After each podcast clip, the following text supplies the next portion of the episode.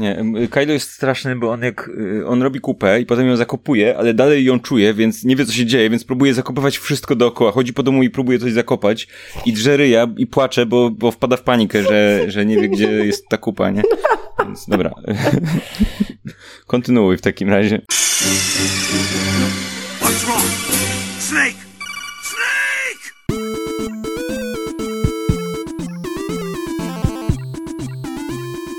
Cześć, witamy Was w jubileuszowym dziesiątym odcinku podcastu Gorąca Krzesła, najbardziej gorącego, rozpalonego, rozognionego podcastu o grach w tym kraju. I ja jestem Paweł, a po drugi, drugiej stronie mikrofonu i trzeciej stronie mikrofonu w zupełnie innych częściach Polski są y, Krzysztof. Cześć. I Ocia. Cześć. Jak się czujecie? Znakomicie. No, bywało lepiej. Zapomniałeś dodać, że to również najbardziej krześlany podcast o grach. Tak, jest zdecydowanie najwięcej krzeseł, chociaż e, Ocia widzę, że dzisiaj na kanapie coś, nie wiem, leży, czy jakoś Masz jakiś pomysł na inny podcast? Gorące kanapy czy coś takiego? Y, to jest łóżko, Pawle, więc A, przepraszam. postanowiłam przetestować gorące łóżko w tym odcinku. Nie, to źle brzmi. Gor gorące łóżka to zupełnie inny podcast. Nie, tak naprawdę chciałam trafić do jęków walenia, ale pomyliłam podcasty. E, dobra, zatem dzisiaj mamy szeroki temat, bo to jest temat wiedźminowy i to jest temat, o ile pamiętam, Y, który wymyśliliśmy zanim w ogóle Ocia była oficjalnie częścią podcastu i miałeś być gościnnie w tym odcinku, bo z jakiegoś powodu, to chyba był nawet twój temat, ty po prostu bardzo chciałaś omówić Wiedźmina z jakiegoś powodu, z tego co pamiętam. Tak, bo ja jestem tą osobą, która y, wcale nie jest zachwycona Wiedźminem i do podstawki zwłaszcza miała tyle zastrzeżeń, że musiałam komuś o tym powiedzieć. I myślałam, że powiem wam. Też mam bardzo dużo zastrzeżeń, więc jestem pewien, że coś ciekawego nam wyjdzie. Y, I zanim przejdziemy do tego legendarnego odcinka, to powiemy kilka słów o grach, w które ostatnio graliśmy i różnych rzeczach, które ostatnio robiliśmy. I mam taki pomysł, żeby zaczął Krzysztof, dlatego że nigdy nie zaczyna. I, i niech zacznie w końcu. Tak jak była o tym mowa w ostatnim odcinku, ja teraz ogrywam Assassin's Creed Origins to jest wbrew nazwie nie ta ostatnia gra, tylko ta gra, która ukazała się wcześniej, chociaż dzieje się po niej, ale ma nazwę Origins, bo czemu by nie. I to jest pierwszy Assassin, w którego gram od Black Flag, więc ja miałem długą, długą przerwę od tej serii. W tym czasie Ubisoft postanowił wymyślić ją na nowo, więc e, w Origins zaczął ją bardziej zwiedźminiać z biegiem okoliczności. I muszę ci powiedzieć, że ja nie do końca wiem, co myśleć o tej grze. To znaczy, dobrze się przy niej bawię, a jednocześnie ona jest dla mnie strasznie monotonna i mam pewne. No bo tam, tam robisz tylko jedno. To znaczy, każdy z quest polega na tym, że pobiegniesz gdzieś i pomordujesz ludzi. I zazwyczaj najpierw będziesz się skradał, i dopiero kiedy coś w tym skradaniu ci nie wyjdzie, to zaczniesz ich mordować otwarcie. I skradanie się jest super, jakby e, ogałacanie tych kolejnych obozów z tych biednych strażników to jest bardzo fajne. Wtedy czuję, że faktycznie gram i jest spoko. Kiedy dochodzi do otwartej walki, to ja mam wrażenie, że ta gra gra się sama i ja po prostu klikam w myszką i ludzie giną.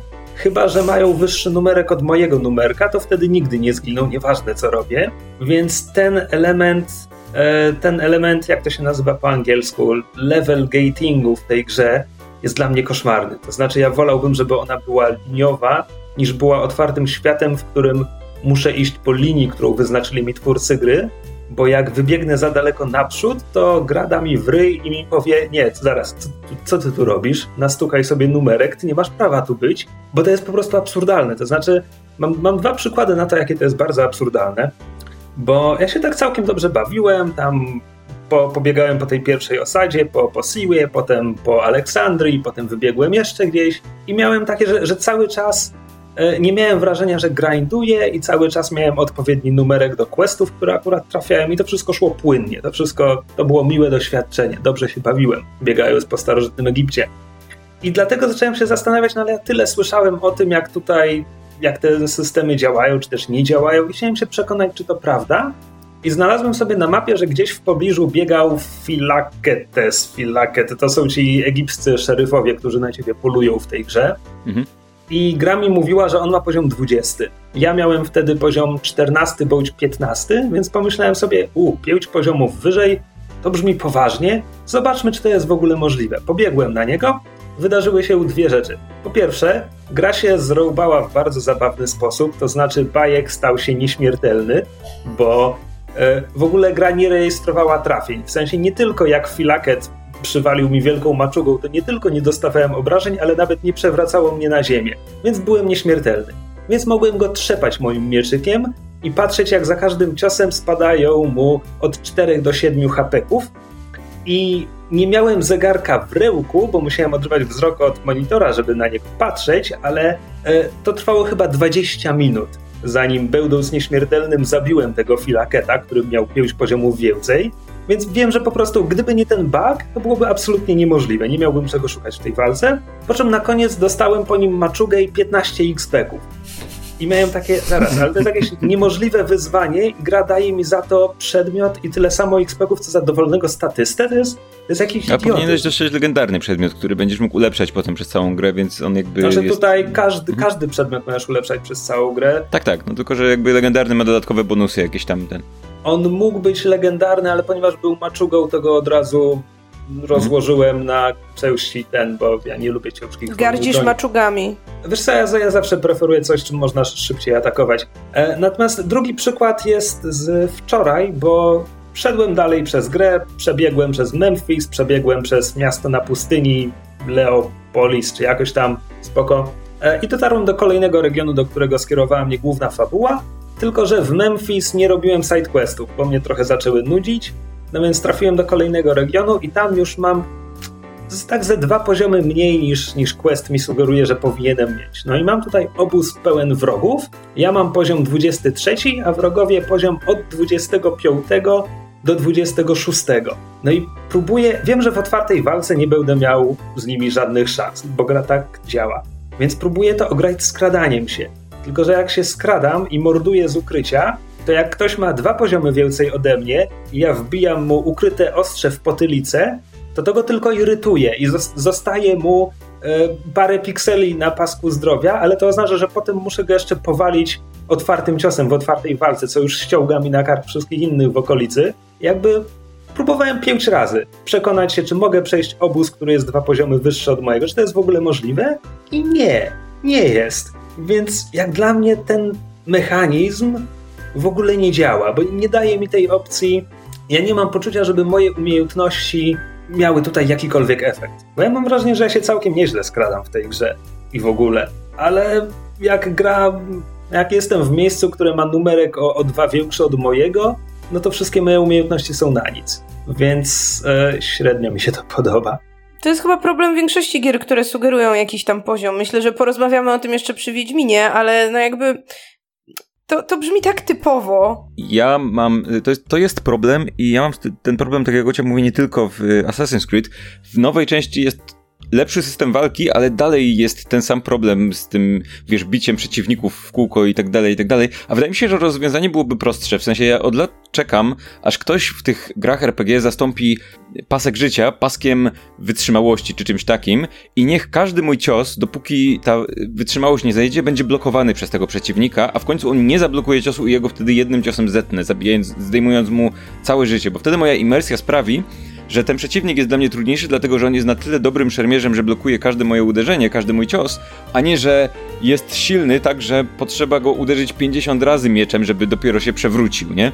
I zastanawiam się, czy to jest jakoś, nie wiem, skomplikowane do zaprogramowania, żeby to tak działało, żeby, żeby nie był pasek życia, tylko żeby faktycznie, wiesz, oni bo tak wyglądają, wiesz, pojedynki w w filmach, tak? Że bohaterowie długo walczą, ale nie długo walczą dlatego, że się tną tymi mieczami i robią sobie rany, ale mają je za nic, tylko po prostu odbijają te ciosy, aż w końcu któryś z nich trafi, nie? I to wydaje mi się jakby ładne, eleganckie rozwiązanie tego problemu.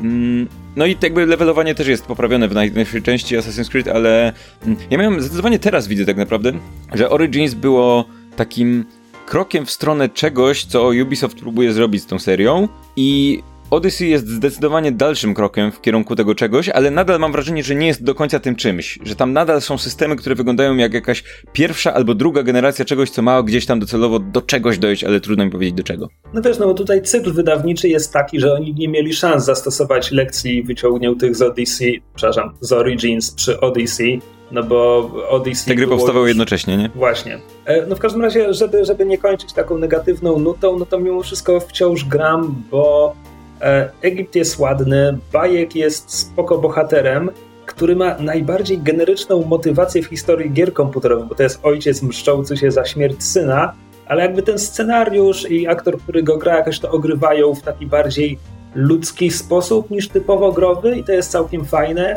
E, jego relacja z żoną Ają też jest bardzo fajna. Aja jest fajną postacią. Podoba mi się to, jak ten Wołtek, że ta, ta, śmierć ich dziecka sprawia, że Bajek e, rzuca się, żeby mścić się indywidualnie na osobach, a, a ja chcę się raczej zemścić tak globalnie na systemie i dlatego tak się rzuca, żeby, żeby popierać Kleopatrę, że ona chce zmienić cały kraj i to, i to sprawia, że ich drogi się zaczynają tak rozchodzić. To jest wszystko bardzo spoko e, i są to również jedyne dwie postaci w tej grze. To znaczy, ja nie wiem, może w tej grze są inne ciekawie napisane postaci, tylko że ja tutaj nikogo nie widzę przez dłużej niż dwie misje. Wszystkie inne postacie, które napotykam na mojej drodze, poza Kleopatrą, e, nigdy więcej ich nie spotykam. Więc nie, żadna nie zapada mi w pamięć, po prostu nie mam czasu kompletnie ich, ich poznać.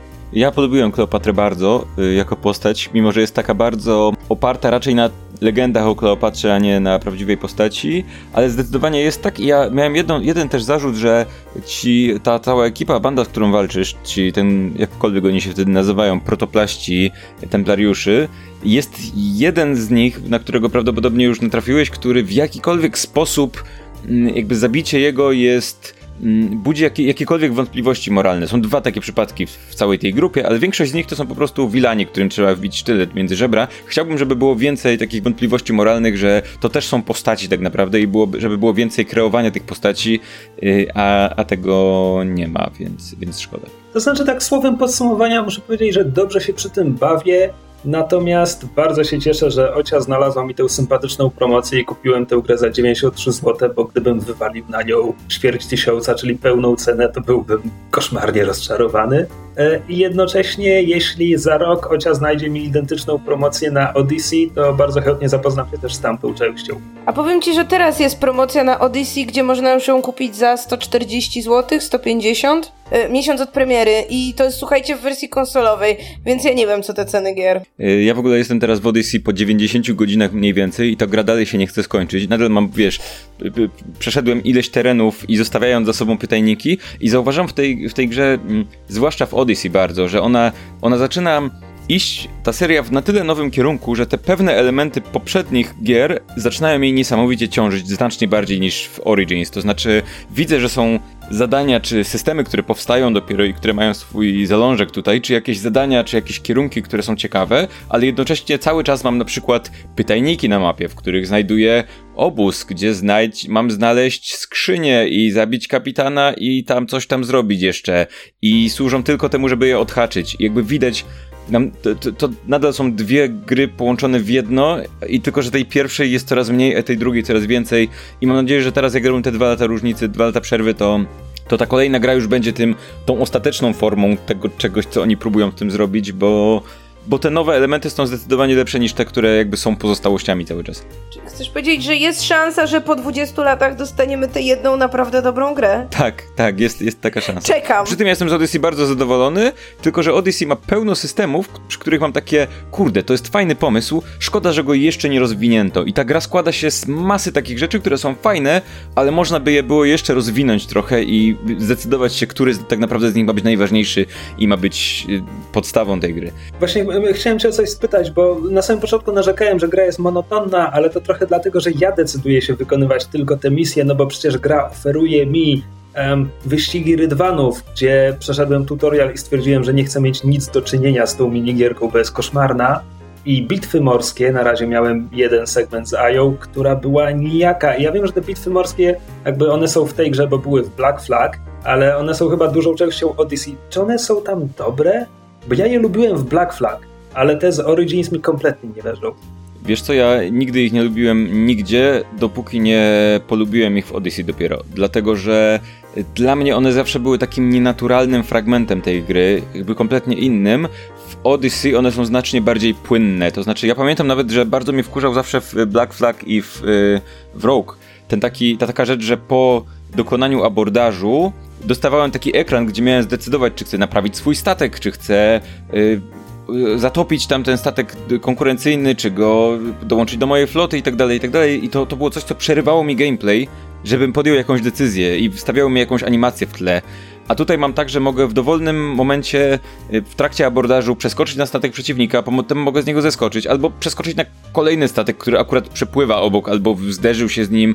Mm, I to jest znacznie bardziej płynne, ale jednocześnie Mam dwa problemy z tym. Po pierwsze, nie do końca wiem, jaki jest cel tych bitew, bitew morskich, bo mam wrażenie, że w y, Black Flag i w Rogu one były bardziej istotne, a tutaj jest trochę tak, że są takie, które są fabularnie istotne, ale w większości przypadków to jest tak, że ok, płyniesz sobie z punktu A do punktu B i jak chcesz zdobyć trochę zasobów, to możesz sobie trochę się pobić ze statkami, a jak cię znudzi, to płyniesz dalej. To jest jedna rzecz, którą mam, a druga rzecz jest taka, co do samego pływania bardziej, a nie, a nie walki. Z tego co pamiętam, w Black Flag było, były tam jakieś takie takim system, że był kierunek wiatru, do którego trzeba było się dostosować, że były jakieś takie wielkie fale, które trzeba było się z nimi jakby bezpośrednio na nie płynąć, bo coś tam się mogło zdarzyć, nie wiem, statek mógł się spowolnić. Tego wszystkiego nie ma w Odyssey, więc jak płyniesz 5 km z jednego końca na drugi koniec mapy, czy tam ileś tam, to płyniesz po prostu i, i, nic nie robisz tak naprawdę. Jeżeli ktoś cię nie zaatakuje, a często są takie fragmenty, gdzie po prostu płyniesz, nie ma tam statków dookoła, to nic nie robisz. Po prostu absolutnie y, fale są tylko dla ozdoby i to jest bardzo nudne. Po prostu nic się nie dzieje, zwłaszcza, że przynajmniej te konsoli jest tak, że jak sobie zaczniesz latać ptakiem, bo tutaj też masz y, orła, to twój statek się zatrzymuje wtedy. Więc nie możesz sobie nawet polatać ptakiem i nie wiem, poobczajać okolicy czy czegoś takiego, jak twój statek płynie przed siebie. Nie, musisz po prostu siedzieć i czekać, aż on, aż on dopłynie. Jest skierowany, wiesz, do celu i tyle. I to jest, to jest strasznie nudne, to mogliby spokojnie poprawić, ale bitwy po raz pierwszy mi się naprawdę podobają i są sympatyczne. Okej, okay, ciekawe. No ja będę, ja pogram sobie jeszcze, chyba że się rozbije o to, że nie chcę mi się wykonywać sidequestów, bo ta gra nie jest na tyle dobrze napisana, żeby mi się chciało a jeśli nie będę mógł iść główną fabułą, bo numerki będą za wysokie, no to wtedy chyba się pożegnam. Także zobaczę.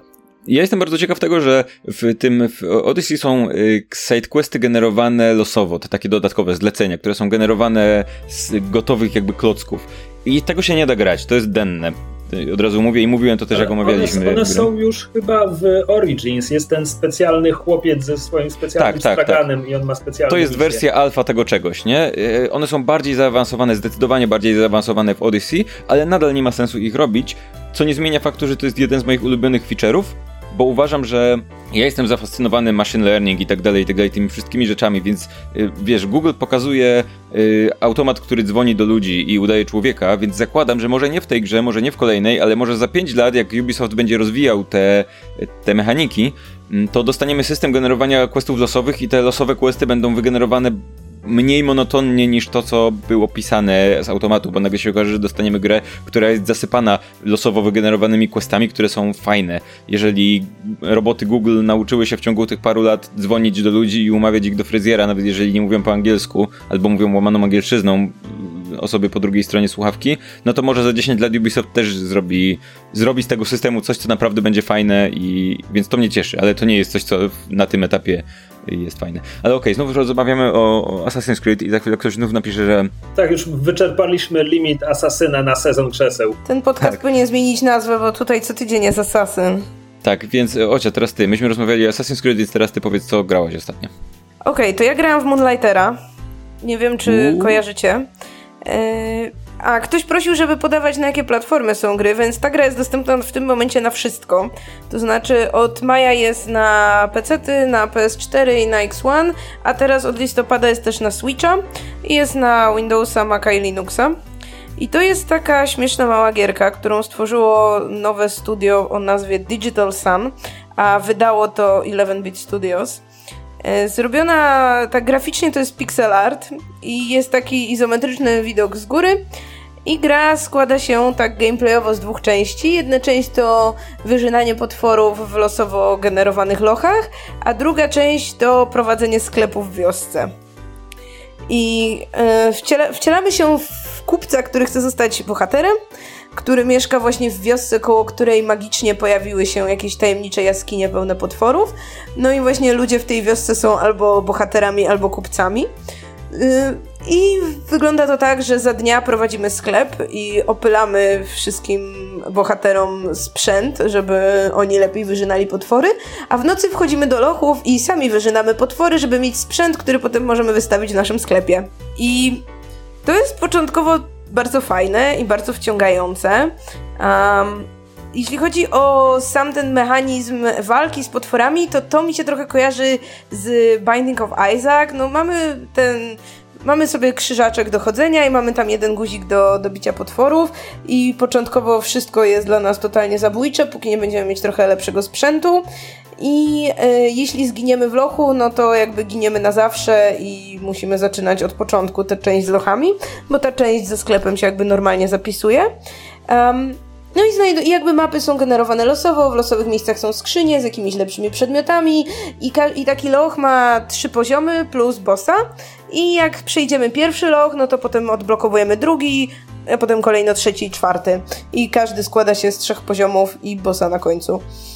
I, e, i powiedzmy, no, no tam nie, nie, nie mamy żadnych specjalnych umiejętności, mamy tam kilka rodzajów broni, ale głównie ją sobie musimy sami wykuć z, z rzeczy znalezionych w lochu. E, I to jest takie dosyć powtarzalne na pewnym etapie, bo liczba tych potworów, które nas atakują, jest ograniczona. A w ogóle z bossem możemy walczyć tylko raz. To mnie najbardziej rozczarowało. Jak zrobiłam ten pierwszy loch i chciałam go zrobić jeszcze raz, no bo jakby tam z bossa wypadały potem najlepsze fanty, to tego bossa już nie było. I, i to mnie trochę dziwi. Um, a jeśli chodzi o tę część sklepową, to to ona staje się powtarzalna jeszcze szybciej tak naprawdę, bo to jest tak, że wystawiamy sobie te przedmioty, które znaleźliśmy w lochu i na początku nie wiemy, ile ten przedmiot jest warty. Więc dla każdego nowego przedmiotu jest taka fajna, jakby powiedzmy taka, no nie wiem, mini gra, że jakby musimy sobie wymyślić jakąś cenę i potem przychodzą ci ludzie i oni mają takie emotki, im się wyświetlają nad głową, kiedy oni mówią, czy przedmiot jest drogi, czy jest tani, czy im się ta cena podoba, czy nie. I yy, musimy tak balansować ceną danego przedmiotu, żeby koniec końców, no ten kupujący był zadowolony, ale nie za bardzo, żeby nie świeciły mu się oczy, bo wtedy macie poczucie, że oddajecie coś za pół darmo. I... E, no i to jest super na początku. No tylko, że potem to jest tak, że jak dla danego przedmiotu ustalisz już sobie idealną cenę, no to jak wystawiasz go, nie wiem, po raz kolejny, tam, nie wiem, następnego dnia czy coś, no to jakby gra już pamięta, ile on powinien kosztować. Więc yy, w momencie, jak już, nie wiem, zrobicie dany loch ileś razy, no to znacie już ceny wszystkich przedmiotów, więc wystawianie tego i siedzenie w sklepie i sprzedawanie ich, no to to jest takie klikanie jednego guzika. Jednego guzika, żeby wystawić rzeczy, potem przychodzą ci ludzie, idą z tym do kasy, no i tam klikacie kolejny jeden guzik, żeby jakby im te rzeczy sprzedać. Mm. I później znów, jak zaczynacie kolejny nowy loch, to znów przez moment jest fajnie, bo są nowe rzeczy, bo trzeba wymyślić, jakie tam sprzedać, yy, a potem znów robi się powtarzalnie. No jest kilka powiedzmy mechanizmów, które miałyby tę rozgrywkę urozmaicać, to znaczy możemy ulepszać nasz sklep i możemy wydawać pieniądze na powiedzmy rozbudowę miasteczka, w którym mieszkamy. Czyli jak wyłożymy tam, nie wiem, przypuśćmy 20 tysięcy złotych monet, no to do miasta wprowadza się kowal, a jak wyłożymy 70 tysięcy, to wprowadza się tam bankier, albo wprowadza się jakiś tam zielarz, jakiś tam ktoś jeszcze. No i tak samo nasz sklep. Nasz sklep może być większy, może mieć więcej gablot, żebyśmy wystawiali więcej przedmiotów naraz, można wprowadzić jakieś takie generalnie bonusowe funkcje typu, że no, klientom podoba się w naszym sklepie, więc do każdego zakupu zostawiałem 10% na piwku. Albo, że łóżko, w którym śpimy w naszym sklepie jest jakieś super, więc jak wstaniemy, no to mamy więcej energii i potem możemy lepiej ciachać potwory. No tylko, że po dwóch dniach grania w to mam wrażenie, że poznałam tę grę na wylot i zupełnie nie mam ochoty grać w nią dalej.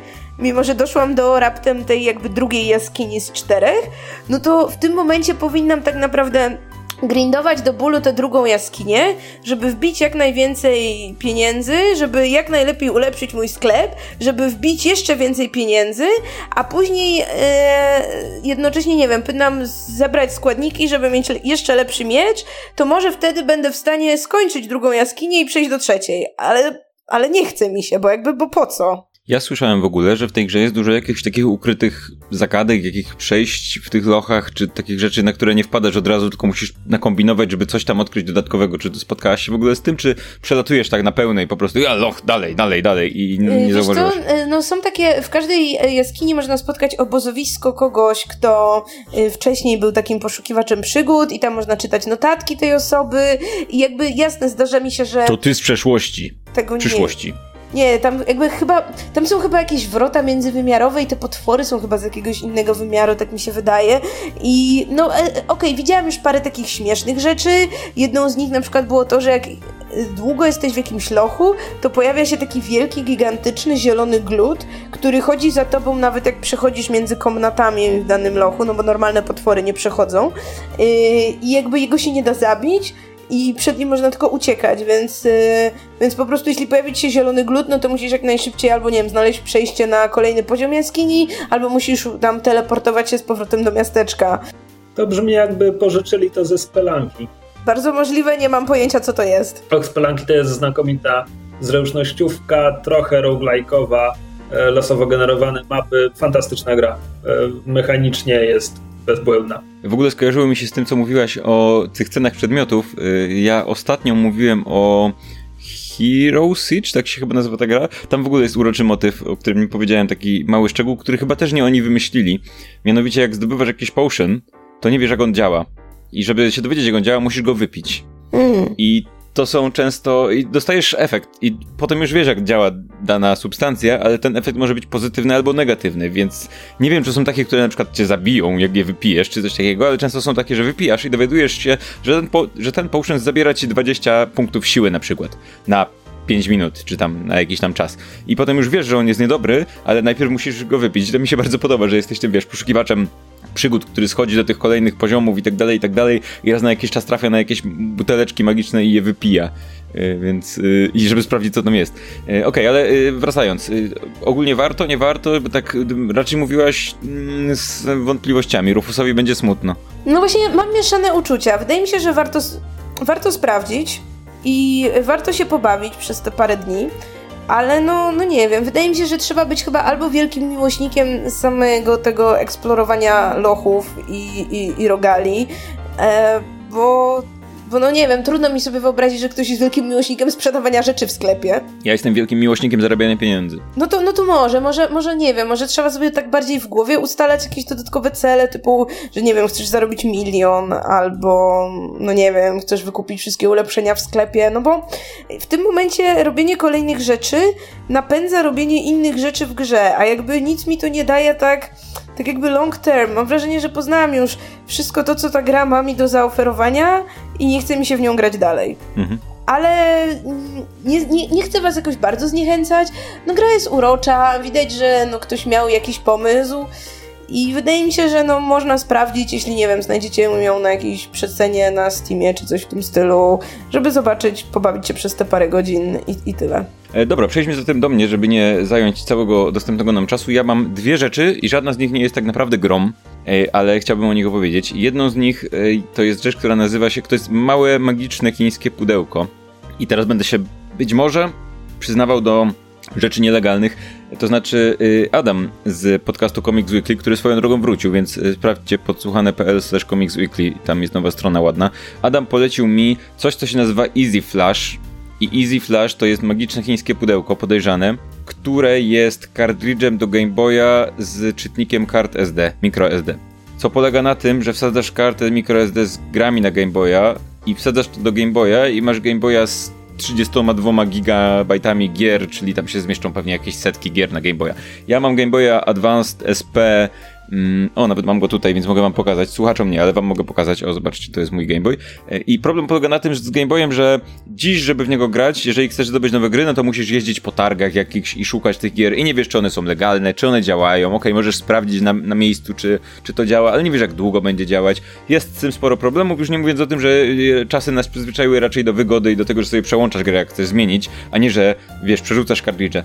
Tam są takie, y, sorry, że ci wejdę w słowo, ale tam pamiętam, że do Gameboyów to były takie specjalne jakieś takie, nie wiem, walizeczki, czy jakieś takie pokrowce, że mogłeś wozić grę i mieć, nie wiem, dajmy na to cztery kartridże jeszcze. Dalej jest, to dalej jest w tych, przecież są karty z grami na, na 3DS-a, nie? Więc to nadal jest jakby w, w, żyje, że tak powiem, ta rzecz, mm. ale ale to jest zdecydowanie wygodniejsze, bo przede wszystkim dostępność gier jest słaba. Oczywiście zakłada to, w zasadzie zakłada to używanie y, ROMów ściągniętych z internetu, tak? Więc to technicznie jest piractwo i to jakby w moim przypadku jakby nie mam problemów z moralnością w tej kwestii, no bo to są gry, których nie można normalnie już kupić. One są tylko w drugim obiegu i nie możesz sobie normalnie legalnie zagrać w tę grę, więc zakładam, że że zagranie, że ściągnięcie z internetu gry sprzed tam iluś lat, y, która nie jest już dystrybuowana, jest jakby moralnie znacznie bardziej przyjazne niż, nie wiem, na przykład gdybym to, to samo ściągał, gdyby, gdyby tego typu rozwiązanie było dostępne na przykład na 3DS-ie, y, a nie jest z tego co wiem. Kosztuje to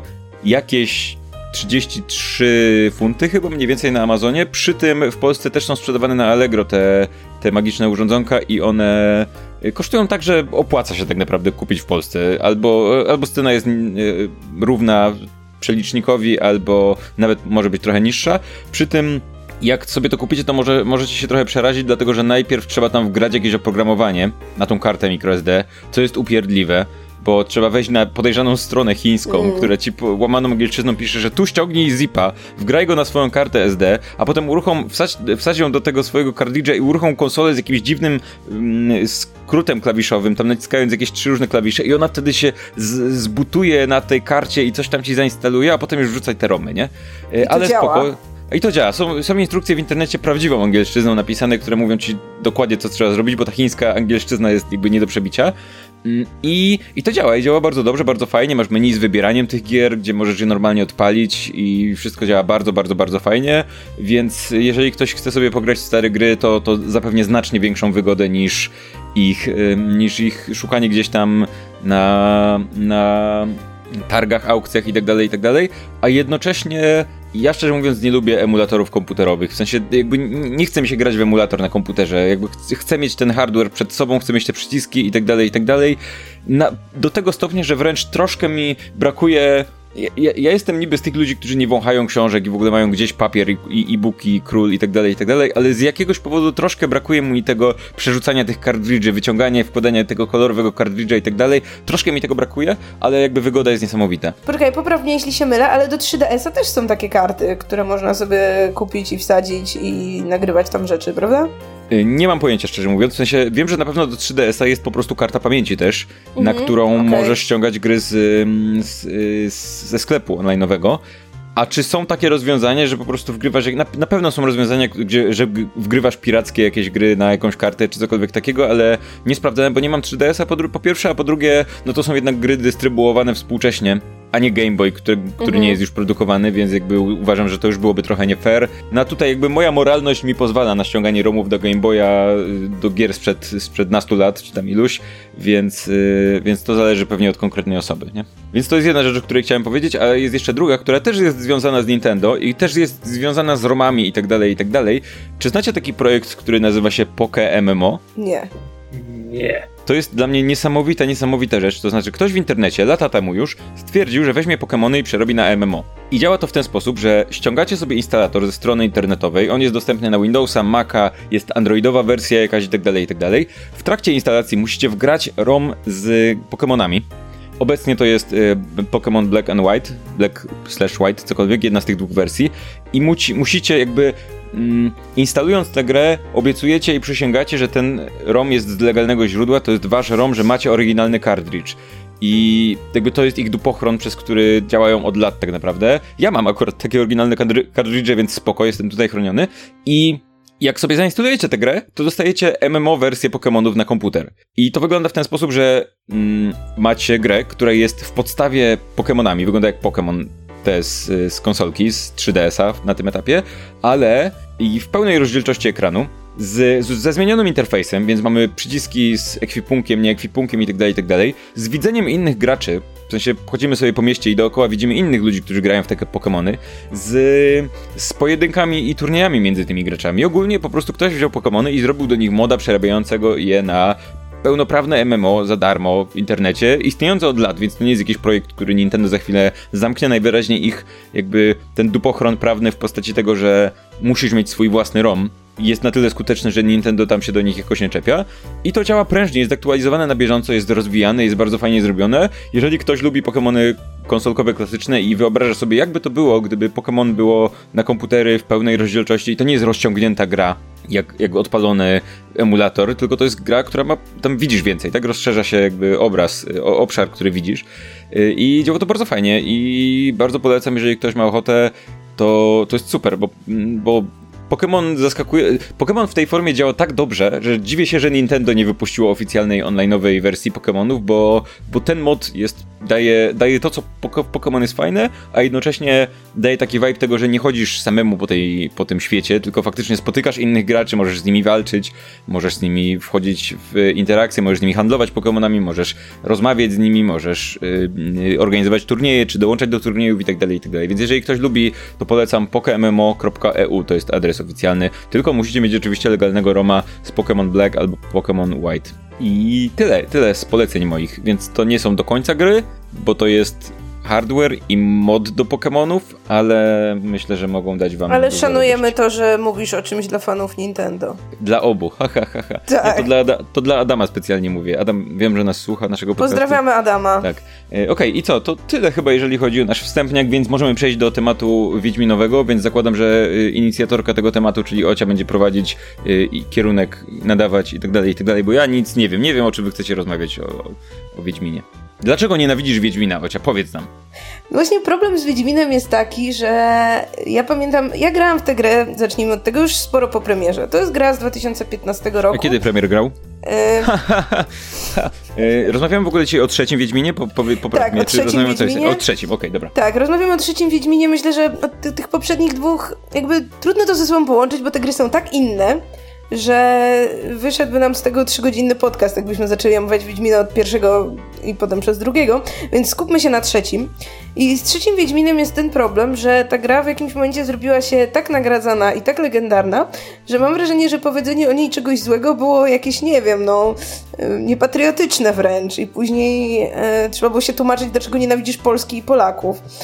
Bo ja już kiedyś mówiłam parę takich, powiedzmy, mm, średnio pozytywnych słów o trzecim Wiedźminie, jeszcze w Myszmaszu, który się ukazał z okazji Sylwestra dawno temu.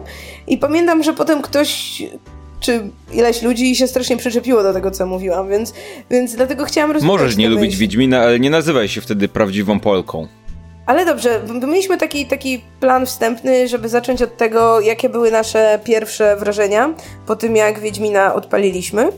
No i, e, no i co, pierwsze wrażenie moim zdaniem jest, e, jest pozytywne głównie dlatego, że ta gra jest wielka i piękna i jakby tego nie można jej odmówić, że jak tego Wiedźmina pierwszy raz zobaczyłam na oczy, to stałam i podziwiałam, nie wiem, wschód słońca, zachód słońca i łany zbóż i, i wszystko Ja się to, nie zgadzam, jak coś od razu mówię. Okej, okay, dobra. I pierwsze ileś godzin, kiedy podróżujemy sobie po prostu przez ten świat, kiedy widzimy, jaki on jest ogromny, ile tu jest pytajników na tej mapie, ile po prostu questów stoi przed nami otworem i, i mamy to, od, od razu mamy to poczucie, że to jest gra na to minimum 100 godzin.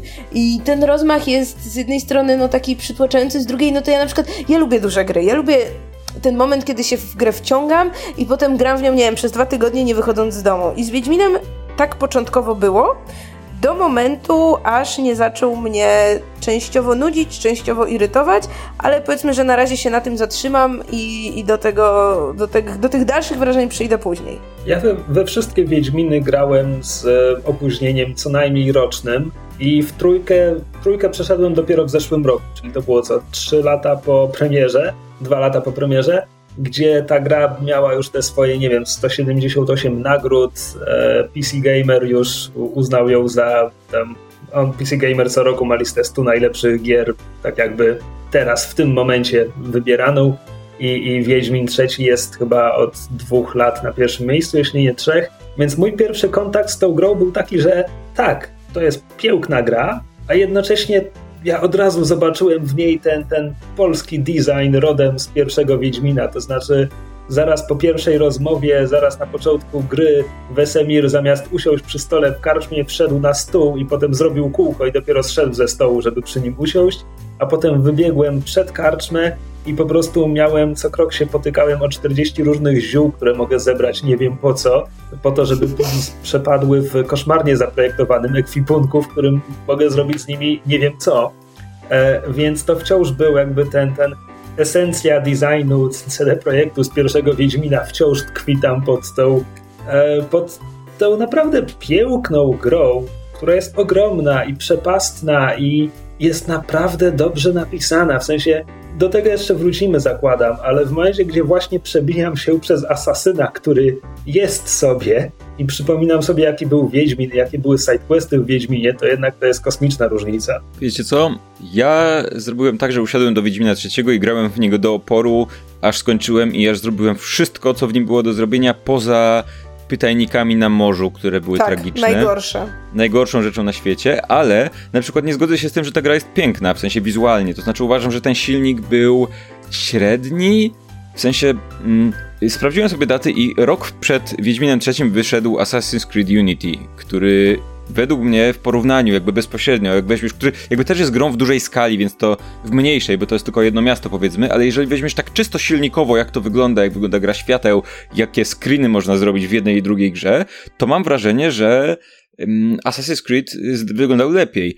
Y, GTA 5 też było chyba, wyszło jeszcze, chyba jeszcze wcześniej, nie pamiętam dokładnie kiedy wyszło GTA 5 i, i też wyglądało lepiej. W Wiedźminie jak zobaczyłem wodę, to stwierdziłem, że hej, co się dzieje? Czy ja gram w Warcrafta, World of Warcraft sprzed 10 lat, bo woda jest koszmarna w Wiedźminie.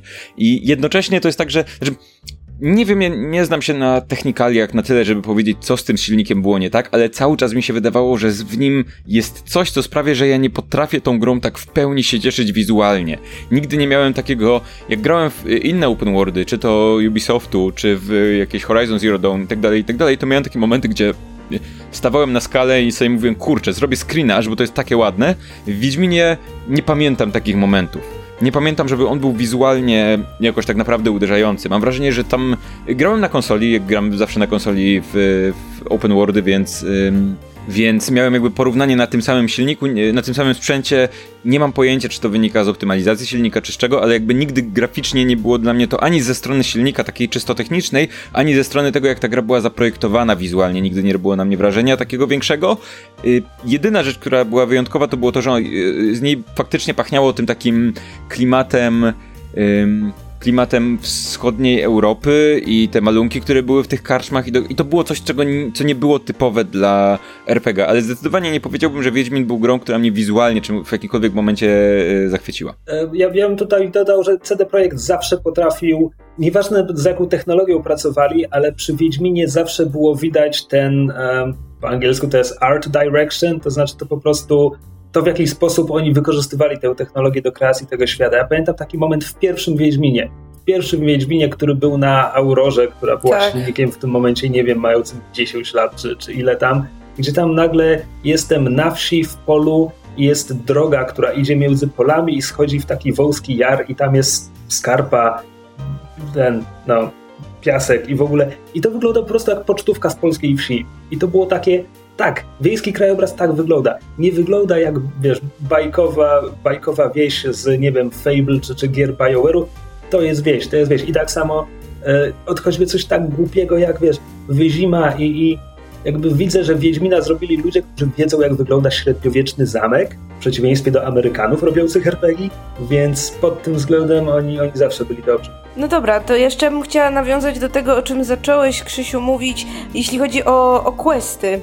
Bo y, to było też y, w tej książce, którą oboje czytaliśmy, y, Krew, Krew Piksele. Tak, dokładnie, Krew pod i. O tym, jak y, CD Projekt bardzo dbał o to, żeby w Wiedźminie nie było żadnych takich questów zapchaj dziur, takich questów typu idź i przynieś mi 10 ziół X, albo tych takich questów, które wyglądałyby wręcz na generowane losowo, czyli że za każdym questem musiała stać jakaś fabuła, musiał być najlepiej jakiś, nie wiem, albo zwrot akcji, albo jakaś a, dodatkowa informacja, jakieś drugie dno w tym questie. I czy faktycznie mieliście takie wrażenie grając w to, bo a, ja szczerze mówiąc nie mam szczególnie wielu questów w Wiedźminie, tych takich drugoplanowych, niezwiązanych z głównym wątkiem, które by mi jakoś bardzo zapadły w pamięć. Znaczy jasne, kilka tak, ale przyznam wam szczerze, że tak gameplayowo to questy poboczne jakby jak najbardziej były powtarzalne. No Wiedźmin idzie gdzieś, włączamy tryb detektywa, badamy jakieś ślady, idziemy po tych śladach gdzieś, wyżynamy potwora, który jest na końcu, Koniec. Wiesz co, zdecydowanie miałem takie poczucie, że one nie są generowane losowo mimo wszystko, co nie zmienia faktu, że one nadal były dla mnie tak samo monotonne, jak w każdej innej grze open worldowej tego mm -hmm. typu. Przy tym ja nie uważam, ja gram w Assassin's Creed robiąc 100%, więc ja nie uważam, żeby to był dla mnie jakiś taki bardzo duży problem. To był i tak krok w dobrym kierunku. Przy tym to, co mi przeszkadzało troszkę, to było to, że w tej grze dosłownie się, wiesz, otwierało się lodówkę, Wiedźmin otwiera lodówkę i znajduje dylemat moralny, nie? Mm. To mhm. jest ta gra dla mnie. W sensie jak mam dylematy moralne, super, bardzo fajna rzecz w grach, tylko że jak ka w każdym questie jest jakiś dylemat moralny, no to już w pewnym momencie one przestają robić na mnie wrażenie, zwłaszcza, że dla mnie dylematy moralne robią wrażenie w momencie, w którym dotyczą na przykład postaci, z którymi się zdążyłem, mm, zdążyłem się do nich przyzwyczaić przynajmniej. Dylematy, nawet jakieś głupie dylematy moralne w Mass Effect Andromeda, która powiedzmy sobie szczerze, nie jest najlepiej napisaną grą na świecie, to tam dylematy moralne w większości przypadków jest ich mało, ale dotyczą po postaci, z którymi się spędziło całą grę. Ekipy, która jest na statku, tak? A w momencie, w którym Wiedźminie poznaję postać i po dwie, dwóch minutach muszę zdecydować mm, na temat jej życia w jakimś niesamowitym dylemacie moralnym, to dla mnie jest takie okay, to na mnie działa w pewnym stopniu, ale to na mnie nie działa emocjonalnie, to na mnie działa jak Mm, jak taka, taka zagadka, zagwostka filozoficzna, jakby, jakby Sokrates wyszedł do mnie i mi mm. powiedział, jak uważam, czy A, czy B, i to na mnie działa na, tym, na tej zasadzie, że mówię, okej, okay, faktycznie nie mam pojęcia, jak moralnie powinienem postąpić, ale nie działa to na mnie emocjonalnie, bo ja nie wiem, kim jest ta postać, to jest dla mnie zlepek pikseli, a jednocześnie to się zdarza na tyle często, że w pewnym momencie się przyzwyczają do tego podejmowania y, decyzji moralnych, więc, więc to była rzecz, która, ale, y, która mi przeszkadzała, ale zdecydowanie nie było tych takich questów Inaczej, nawet jeżeli były tam questy pod tytułem idź w miejsce z punktu A do punktu B, po, poklikaj tam, a potem zabij potwora albo ludzi, to one były przynajmniej obudowane czymś takim, co sprawiało, że nie wydawały się takie mocno powtarzalne i dobrze, że były, bo dla mnie na przykład walka była absolutnie tragiczna w Wiedźminie trzecim, absolutnie tragiczna, powtarzalna, nudna i nie chcę, nie chcę więcej grać w gry z taką mechaniką, jak, jak walka w Wiedźminie. Znaczy, gameplayowo te questy oczywiście były powtarzalne, no bo gameplayowo Wiedźmin jest płytką grą, to znaczy tam masz walkę i tyle. W sensie tam nawet nie masz mechanizmów, żeby się skradać. Twoje jakby twoje, twoimi jedynymi sposobami obcowania z tym światem to jest e, srebrny lub stalowy miecz. To, to, to, jest tyle. No i jeszcze... I znaki. Wizji. Tak, tak. I alchemia. No i, no, i, no i oczywiście wizja, wizja detektywa, która akurat jasne sprowadza się do tego, że włączasz sobie... Termowizję, termowizję i klikasz czerwone rzeczy, tylko znowu dla mnie to było dobrze napisane, w sensie ja miałem poczucie, że faktycznie Geralt jest po prostu fachowcem, który no przychodzi tutaj, jak ten hydraulik, kładzie swoją torbę z narzędziami i bierze się do pracy. E, I to, to brzmi banalnie, ale gram właśnie w Origins, gdzie Bajek też czasami trafia na scenę zbrodni i też musi po prostu kliknąć cztery rzeczy i widzę różnicę między tymi dwoma grami pod względem tego, jak to jest napisane. Tak ci się wetnę, bo jest jeden moment w Origins właśnie, który mi po pokazał, jak ten system mógłby dobrze wyglądać. W tych wszystkich takich skopiowanych bezpośrednio z Wiedźmina e, śledztwach właśnie w Origins jest jeden fragment, gdzie Bajek znajduje jakiś ślad i mówi aha, ten ktoś przepłynął na drugą stronę rzeki i coś tam i nie masz kolejnego śladu w zasięgu wzroku, musisz przepłynąć na drugą stronę rzeki, czy coś tam zrobić, no coś w tym, wymyślam w tym momencie, ale mniej więcej taka była logika, że to nie było tylko kliknięcie, ale też jakby to kliknięcie sugerowało mi, gdzie jest następny krok, ale nie wskazywało go bezpośrednio. I dla mnie to byłby na przykład dobry system, że znajdujesz jeden ślad i potem musisz z tego śladu samodzielnie wymyślić, gdzie znajdziesz kolejny, a nie po prostu, że ten kolejny jest w zasięgu wzroku, więc po prostu klikasz kolejną czerwoną rzecz. A mam wrażenie, że we wszystkich grach, które grałem, ten system był do tego sprowadzony, nie? Znaczy w Wiedźminie było bardzo dużo podążania po śladach i no nie wiem, też trudno było się zgubić. Powiedzmy, że może no nie było tych takich, y, pamiętam, że jak na przykład coś w jakimś obszarze trzeba było znaleźć, no to nie było jednego X na mapie, który od razu ci mówił, że masz pójść tam, no tylko był jakiś taki cały ten obszar, powiedzmy, podświetlony, no i trzeba było faktycznie tam, nie wiem, pochodzić, przejrzeć trzy krzaki, żeby zobaczyć, przy którym krzaku będzie jakiś tam, nie wiem, ślad pazurów czy coś, ale nigdy nie były to rzeczy na poziomie, który sprawia, że nie wiem, możesz się pogubić, albo nie wiesz, gdzie pójść dalej, albo gdzie jest kolejna wskazówka. Wiedźmin ma taki quest, on jest gdzieś blisko początku gry, kiedy szukasz wiedźmy w wiosce. Ta wiedźma okazuje się bodajże Kiro Holtz, e, czarodziejką i masz powiedziane, masz opisaną drogę, którą masz podążyć, że tą polną tam za kamieniem skręcić w prawo, jak zobaczysz rozdwojoną brzozę czy coś tam, to w lewo, tego typu. Tylko, że to nie jest jedyna informacja, którą dostajesz, bo poza tym masz interfejs i interfejs daje ci wskaźnik, czy tam zaznacza się na czerwono obszar poszukiwań i tak dalej. I to było dla mnie, to był dla mnie moment, w którym pomysł na quest nie zgrywa się z gameplayem. Wiesz co, ale, ale wiele osób polecało, żeby to wyłączyć po prostu, bo mogłeś wyłączyć te wskaźniki i wtedy się musiałeś opierać na tych, yy, na tych wskazówkach, łącznie z tym, że w Odyssey jest, jest wybór na początku gry, czy chcesz dostawać na mapie wskazówki, czy chcesz się opierać na informacjach, które dostajesz. Dobra, nie? tylko że w Wiedźminie to jest ten jeden konkretny quest, gdzie faktycznie miałeś opisaną tę drogę. Jest... Nie, we wszystkich questach podobno da się tę grę przejść opierając się tylko na tym, na wskazówkach, które się dostaje, że podobno za każdym razem jak ktoś ci tłumaczy, tak słyszałem, nie grałem w ten sposób, że podobno za każdym razem, jak ktoś ci tłumaczy, jak gdzieś dojść, to dostajesz wskazówki, za którymi możesz podążać. Yy, takie właśnie tego typu, nie? No tak, ale to jest tak trochę. Jakby CD Projekt wierzył w to rozwiązanie, to jakby. Ale bał się wyłączyć mapę, tak? Mhm. Okej, okay, wróćmy do systemu walki, bo y, ja nie jestem jakoś bardzo krytyczna względem niego, głównie dlatego, że pamiętam jak koszmarny był system walki w drugim Wiedźminie i jak koszmarny był system walki w pierwszym Wiedźminie. Ej, wolałem ten z pierwszego, nie pamiętam go wprawdzie, znaczy, ale wolałem ten z pierwszego. to był ten taki, takie rytmiczne klikanie. To było tak, że klikasz, czekasz aż się zaświeci taki żółty symbol mieczyka nad postacią, z którą walczysz i wtedy znów klikasz. No i to jest takie, że w jakimś momencie wpadasz w ten rytm i już wiesz, kiedy masz klikać. Mhm. To było Dance Dance Witcher Revolution. A to przynajmniej był jakiś pomysł. Dla mnie tutaj jest, co tam jest, blok, odskoczenie i atak, nie? To jest jakby te, ta, ta, ten najgorszy system walki mieczem, jaki był bez żadnych dodatkowych pomysłów. No. Ja jestem jakimś cudakiem, bo system walki w trzecim Wiedźminie mi nie przeszkadzał. Natomiast ja bardzo lubiłem system walki w drugim Wiedźminie. O co? Który, słuchaj, on też zasadniczo miał lekki atak, ciężki atak, blok i jakiś uskok, ale do tego miał element taktyczny polegający na tym, że jeśli odwrócisz się do przeciwnika plecami, to giniesz, a jeśli zajdziesz go z tyłu, to on ginie. Więc tam przynajmniej było wiadomo, dobra, absolutnie, koniecznie nie, muszę być frontem do przeciwnika i muszę go zajść z tyłu, więc w każdej walce wiedziałem, czego się trzymać. I to przynajmniej znowu, to był jakiś element gameplay. A powiedzcie mi, y, rzecz, która była bardzo chwalona, czyli przygotowywanie się do walki. Czy wam się to podobało, czy nie? Bo ja jestem antyfanem wielkim. Nie robiłam tego absolutnie nigdy w żadnym Wiedźminie. Jakby ja generalnie w grach nie lubię takich rzeczy, że, y, że sobie sama mam jakieś eliksiry poskładać, że muszę się jakoś przygotować, że muszę tam, nie wiem, miecz naostrzyć, że muszę jakiś olej wybrać, że może jeszcze mam sobie najpierw ten olej upichcić, a w ogóle to, że muszę sobie buty uszyć. No jakby, no nie, nie, nie. Ja, ja, ja strasznie nie lubię takich rzeczy i w Wiedźminach konsekwentnie odmawiam przygotowywania się do walki. Dla mnie jedyną grą, która naprawdę dobrze to realizowała, był pierwszy Wiedźmin, bo tam eliksiry faktycznie trzeba było pić przed walką. I to jest oczywiście na dłuższą metę upierdliwe, ale ja do dziś pamiętam jeden z pierwszych questów, gdzie tam muszę iść, iść usiec ileś utopców i siadam tym Geraltem przy ognisku i wypijam eliksir i jak zachodzi noc, i utopce wychodzą z rzeki, to ja czekam tam na miejscu, jestem na nie gotowy, wypiłem eliksir i je zabijam. I to było jakby wtedy grałem w opowiadanie Sapkowskiego.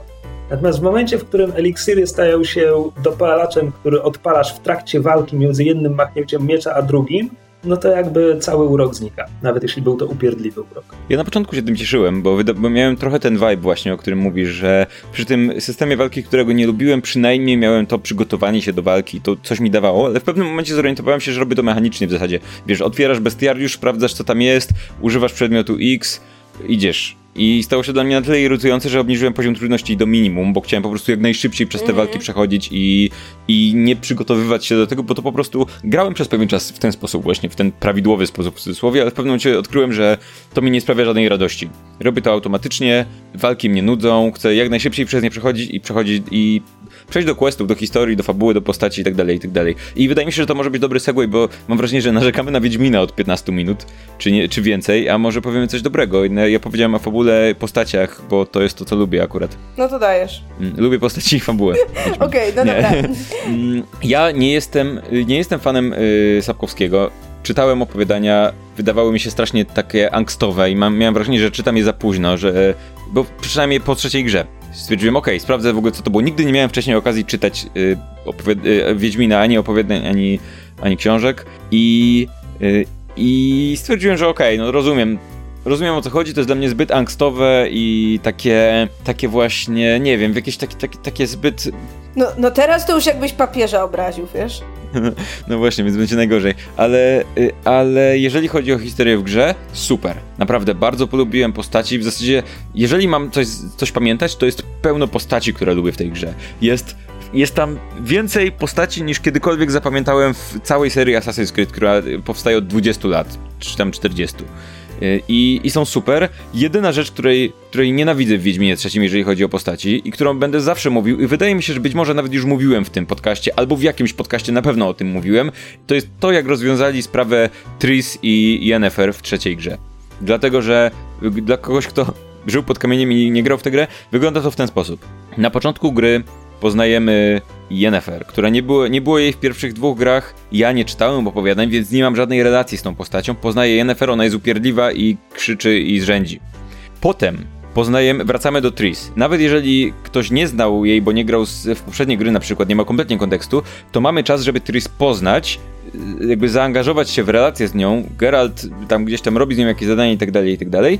I w tym momencie następuje wybór, bo musimy zdecydować, czy chcemy zatrzymać Tris Y, i Geralt ma wyznać jej miłość, czy chcemy jej pozwolić odpłynąć. I to jest moment, w którym de facto podejmujemy decyzję pomiędzy jedną a drugą kobietą w życiu Geralta, tylko że jednej nie znamy jeszcze, nie mieliśmy okazji jej poznać, więc to jest trójkąt, który jest źle napisany. Co więcej, potem poznajemy Yennefer, i mamy dwie opcje, jak już się zaangażujemy w relację z nią. Albo złamać jej serce, to jest bardzo nieprzyjemne, y, bo je, jeżeli się oczywiście wcześniej zaangażowaliśmy w związek z Tris, czy, czy wyznaliśmy jej miłość, to teraz musimy złamać serce Yennefer, albo jej też wyznać miłość, co jak wszyscy wiemy kończy się źle dla obu stron tak naprawdę, bo wtedy, bo nie można wybrać obu naraz. Jakby to, to jest to złe rozwiązanie, powiedzmy w cudzysłowie.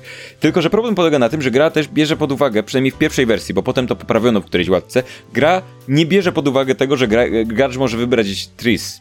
Nie wiem, czy czy jakiego wyboru wy dokonaliście, czy jakiegokolwiek, ale ja wybrałem Tris i potem się zorientowałem, że domyślnym wyborem jest Yennefer, więc jak pod koniec gry wszystkie postaci są naraz jakby w kadrze, czy w, w historii, to Tris nie ma dialogów z Geraltem. W sensie Tris ma, jak się do niej podejdzie, zagada to, zagada, to ona mówi, no to tam Geralt i to jest koniec, taki wiesz, generyczny tekst NPC. Nie ma, wy, wybór Tris nie ma, nie prowadzi, nie ma ciągu dalszego tej relacji. Potem którejś aktualizacji wprowadzono, żeby Tris była bardziej gadatliwa, jeżeli jest w relacji z Geraltem, a Geralt powiedział Yennefer, że jednak już nic do niej nie czuje, ale już jakby przeszedłem wtedy grę, więc nie mam pojęcia jak to wygląda. Byłem tak zły, że wiesz, że dość, że dają ci ten wybór gdzieś w połowie, jak tak naprawdę zanim zdążysz poznać Yennefer, więc to nie jest prawdziwy wybór. A dwa, że e, jakby twórcy nie wzięli pod uwagę, że gracz może wybrać Tris, ponieważ nie zna Yennefer na przykład. Więc to było coś, co bardzo byłem zły na to. Grając w grę 3 lata po premierze nie, nie napotkałem e, na ten, na ten drobny problem, a oczywiście tylko Tris to jest jedyny słuszny wybór, e, pomimo tego, Dokładnie, że czytałem absolutnie. opowiadania, książki i tak dalej. Po prostu Yennefer jest e, paskudna. Natomiast to, to, o czym tutaj mówisz, to, to jest coś, co oni naprawili w odniesieniu do Tris. Natomiast ja mam ten problem z tą grą, gdzie ja bardzo lubię te postaci i ta gra, bardzo wiele questów, bardzo wiele wątków jest bardzo fajnie napisanych, gdzie mechanicznie to oczywiście wciąż jest gra komputerowa, która czeka aż przyjdziemy tam naszym awatarem i wtedy uruchomi się quest i wtedy my wpłyniemy na życie tych wszystkich postaci, ale ona jest napisana tak, jakby te postaci miały własne życie. To znaczy, my zazwyczaj przychodzimy, kiedy te inne postaci, one już działają, one nie czekały, aż Wiedźmin przyjdzie i im pomoże. Nie mówię tutaj o wieśniaku, który wynajmuje Wiedźmina, żeby zgładził licho, które zaległo się w stodole. Mówię tutaj o jakby kluczowych postaciach tej fabuły. Jeśli, nie wiem, jeśli temerscy partyzanci próbują walczyć z, z Nilfgaardem czy, czy Radowidem, to oni już to robią. Jakby to nie jest tak, że ich walka zaczyna się w momencie, w którym spotykają Wiedźmina. Jeśli jest e, córka krwawego barona, to nie jest tak, że ona czeka jak jakaś białogłowa, żebyśmy przyszli i uratowali jej matkę, tylko ona jest opisana, że ona już spiknęła się z łowcami czarownic, ona już ma własny plan, jakby to wszystko jest napisane w ten sposób, że te postaci tam działają. Nawet jeśli patrząc na to czysto pod względem mechanicznym, te postaci nic nie mogą zrobić, no bo tak działa gra. Musimy tam przyjść dopiero, żeby coś się wydarzyło. Ale jest to napisane tak, jakby to wszystko już się dzieje. I to jest super. I ja to bardzo w tej grze lubię. Tylko, że potem tutaj nie ma epilogu. Wiele tych postaci nie ma epilogów, w sensie córka krwawego barona. Ja byłem święcie przekonany, że ta postać wróci, bo ona jest tak jakby mocno podbudowana. Ale nie, zasadniczo, gdy skończysz ten quest, ona praktycznie wyparowuje. pojawia się na moment w finale, jeśli dobrze pamiętam. Natomiast jest dużo wątków, gdzie ja specjalnie wracałem do tych postaci, kiedy już questy się skończyły i już gra mi mówi, idź już, Geralt, jedź tam dalej, rób co innego. Ja specjalnie wracałem do miejsca, gdzie wiem, że ta postać tkwi, żeby przekonać się, czy twórcy napisali tam jakiś dialog dla niej i za każdym razem byłem rozczarowany. I jeśli chodzi o przykłady, to na przykład e, ja bardzo polubiłem tę dziewczynę Jaskra, Priscillę, która w pewnym momencie niemalże pada ofiarą seryjnego mordercy, który niszczy jej gardło, głos i tak dalej. I my potem quest dotyczy tego, żeby znaleźć tego mordercę, zabić go, okej, okay, spoko, dobra. Ja potem czekałem, aż ona wróci, aż Jaskier z nią wróci z Priscillą. Chciałem ją jeszcze kiedyś zobaczyć, ale nic nie ma. Ja byłem pewien, że to był jakiś błąd w grze. W sensie absolutnie, nie wiem, chodziłem, nie mogłem znaleźć tej chaty z powrotem. Myślałem, jakby niemożliwe, żeby po prostu za zakończyli to w ten sposób i nic dalej. Może, może tam coś jest faktycznie i my się błędnimy w tym momencie. No ale i, też i chyba mój ulubiony przykład to jest jak na, na Skellige pomagasz wybrać, kto, kto zastąpi Kracha na, na tronie, jedno z jego dzieci, e, syn lub córka. Ok, a potem mamy wielki finał gry. Już po tym, jak Skellige ma nowego władcę, jest wielki finał gry i w wielkim finale, przepraszam, spoiler, ale gra ma 3 lata, Krach ginie w walce z Dzikim Gonem. I ja specjalnie pojechałem po prostu do zamku na Skellige, wbijam do tej jego córki i tam nie ma ani linijki na ten temat, że jej ojciec poległ w tej wielkiej bitwie, w tym wielkim finale, bo po prostu jakby ona już nie istnieje w tej grze. Znaczy jest tutaj, stoi sobie w zamku, mogę do niej podbić, tylko twórcy jakoś, nie wiem, nie pomyśleli, że ktoś będzie chciał to zrobić? Powiedz mi, a czy to nie jest w ogóle tak, że ty w tym momencie masz trochę zawyżone oczekiwania, ponieważ poziom tej gry jest wyższy, w sensie ona ci daje na tyle naturalne postaci i na tyle zaczynasz wierzyć w ten świat, że zaczynasz oczekiwać, że postaci będą się zachowywać jak ludzie i jak wrócisz do kogoś tam, a tak naprawdę ta gra i tak się rozrosła w trakcie tworzenia i czy to nie jest tak, że po prostu masz w tym momencie oczekiwania większe niż od jakiejkolwiek innej gry, która, która i tak by ci tego nie dała? To znaczy, z jednej strony tak, no ponieważ ta gra te rzeczy, które w tej grze faktycznie są napisane, są napisane tak dobrze, że ja oczekuję, że to będzie potem kontynuowane, ale z drugiej strony ja mam takie trochę. Ja w Dzikim Gonie widzę, gdzie oni się bardzo inspirowali BioWare'em i konkretnie Mass Effectem, bo kiedy zbierasz sojuszników, żeby bić się z Dzikim Gonem w obronie Kermoren, to jest czysty BioWare i dlatego ja się trochę spodziewałem, że tak jak w BioWare'ze, w BioWare'ze twoi towarzysze są zawsze przez całą grę i zawsze możesz z nich ich spotkać i zawsze możesz z nimi pogadać i ja dlatego liczyłem, ja wiem, że Wiedźmin nie ma swojego huba, nie ma swojej Normandii, ale liczyłem, że jak gdzieś potem znajdę Jaskra w świecie, to on tak jak w grze BioWare'u mi skomentuje to, co się wydarzyło potem, kiedy mm -hmm. już nie mhm. było go w questie. Ale nie, ta inspiracja BioWare'em ogranicza się tylko do bitwy o Kermoren. Ja jeszcze chcę się odnieść do obu rzeczy, o których teraz zdążyliście powiedzieć, czyli tak. Po pierwsze, ja jestem tą jedną osobą z naszego podcastu, która jest totalnie Team Yennefer. Głównie dlatego, że podejść. No, że po pierwsze czyta, czytałam książki więcej niż raz, po drugie jakoś ja nigdy nie lubiłam Tris. To jest ostatni odcinek Gorących Krzeseł. Dziękujemy za uwagę. Y, już więcej odcinków nie będzie. Kolejny odcinek y, będzie już z Kamilem. Y, żegnajcie. Um... Jak można nie lubić Tris? Tris jest najlepsza. Znaczy, polubiłem Yennefer po drodze, ale Tris jest najlepsza, no. Ale słuchaj, ale Tris sobie może być najlepsza, ale to, jakie masz genialne zadanie z Yennefer, jeśli wybierzesz Yennefer, to jak ono jest w ogóle emocjonalnie zrobione i to, jak ono, ono jest chyba jednym z najlepszych questów, jeśli chodzi o kontynuowanie wątków, które były w opowiadaniach, więc jeśli ktoś tego nie doświadczył, to kurna... Ale które zadanie? O, tych, to z o tym, z? To z. No to, jak, to jest najlepsza rzecz na Tris, świecie. to też masz zadanie, przecież też masz zadanie z Jeanem, jak wybierzesz Tris. Tylko się kończy inaczej. Okej, okay, no to ale bez sensu. Na końcu, bo na końcu Yennefer cię pyta, czy dalej to czujesz, czy to był tylko Jean i wtedy możesz powiedzieć, że dalej czujesz, albo że to był tylko Jean. I, I co, i powiedziałeś Yennefer, że to był tylko Jean? I nie złamało ci to serca? Złamało mi to serce właśnie i Dziękuję. problem polega na tym, to mi złamało serce, nie, to był absolutnie doskonały quest i to mi złamało serce, bo ja polubiłem Yennefer w tym czasie, jakby, ja uwielbiam obie te postaci, tylko że złamało mi to serce, ale czułem, że, że gdyby te, te segmenty gry, fabuły za, zamienić miejscami, gdybym Yennefer najpierw poznał, to później musiałbym złamać serce Tris. Że to nie był mój wybór, że ja poznałem obie te i musiałem się zdecydować, tylko to był wybór kolejności robienia fabuły. Wiesz, o co mi chodzi? Tak. Więc, więc to był mój problem, nie? A drugi mój problem z questami jest taki, że yy, to jest trochę w, powiązane z tym, o czym Krzysiek mówił, że nie miałam poczucia, żeby moje decyzje wpływały realnie na to, co się dzieje w grze w trakcie tego, jak ona jeszcze trwa. Yy, poza jednym wyjątkiem. To znaczy, pierwszy duży quest to jest quest z baronem z Welen I to było dla mnie takie jedno wielkie wow, to jakie mogłam decyzje tam podjąć, to jak ten quest się kończył, to jak sobie potem doczytałam, jakie były w ogóle inne warianty skończenia tego questa, to jak wszystkie decyzje tak naprawdę były złe i, i to, że w momencie, jeśli dajmy na to, nie wiem, Baron popełnia samobójstwo, no to z tej gry znika, ma to jakiś wpływ na ten świat przedstawiony. Tak samo zniszczenie wioski tam jest, nie? Które tak. ta wioska jest zniszczona po jej zniszczeniu. Yy, tak, zniszczona jest po zniszczeniu. I, i, to był, I to był jedyny moment w tej grze, kiedy poczułam, że fakt, że podjęłam jaki, że no, dokonałam jakiegoś wyboru, wpłynął na resztę przebiegu gry mogło, może sobie to dopowiadałam, tak? Jakby, nie wiem, jakby Baron przeżył, to może i tak nie byłoby z nim żadnego więcej dialogu. No ale tu miałam to poczucie, że okej, okay, jakaś ważna postać została wyeliminowana, coś tam, coś tam.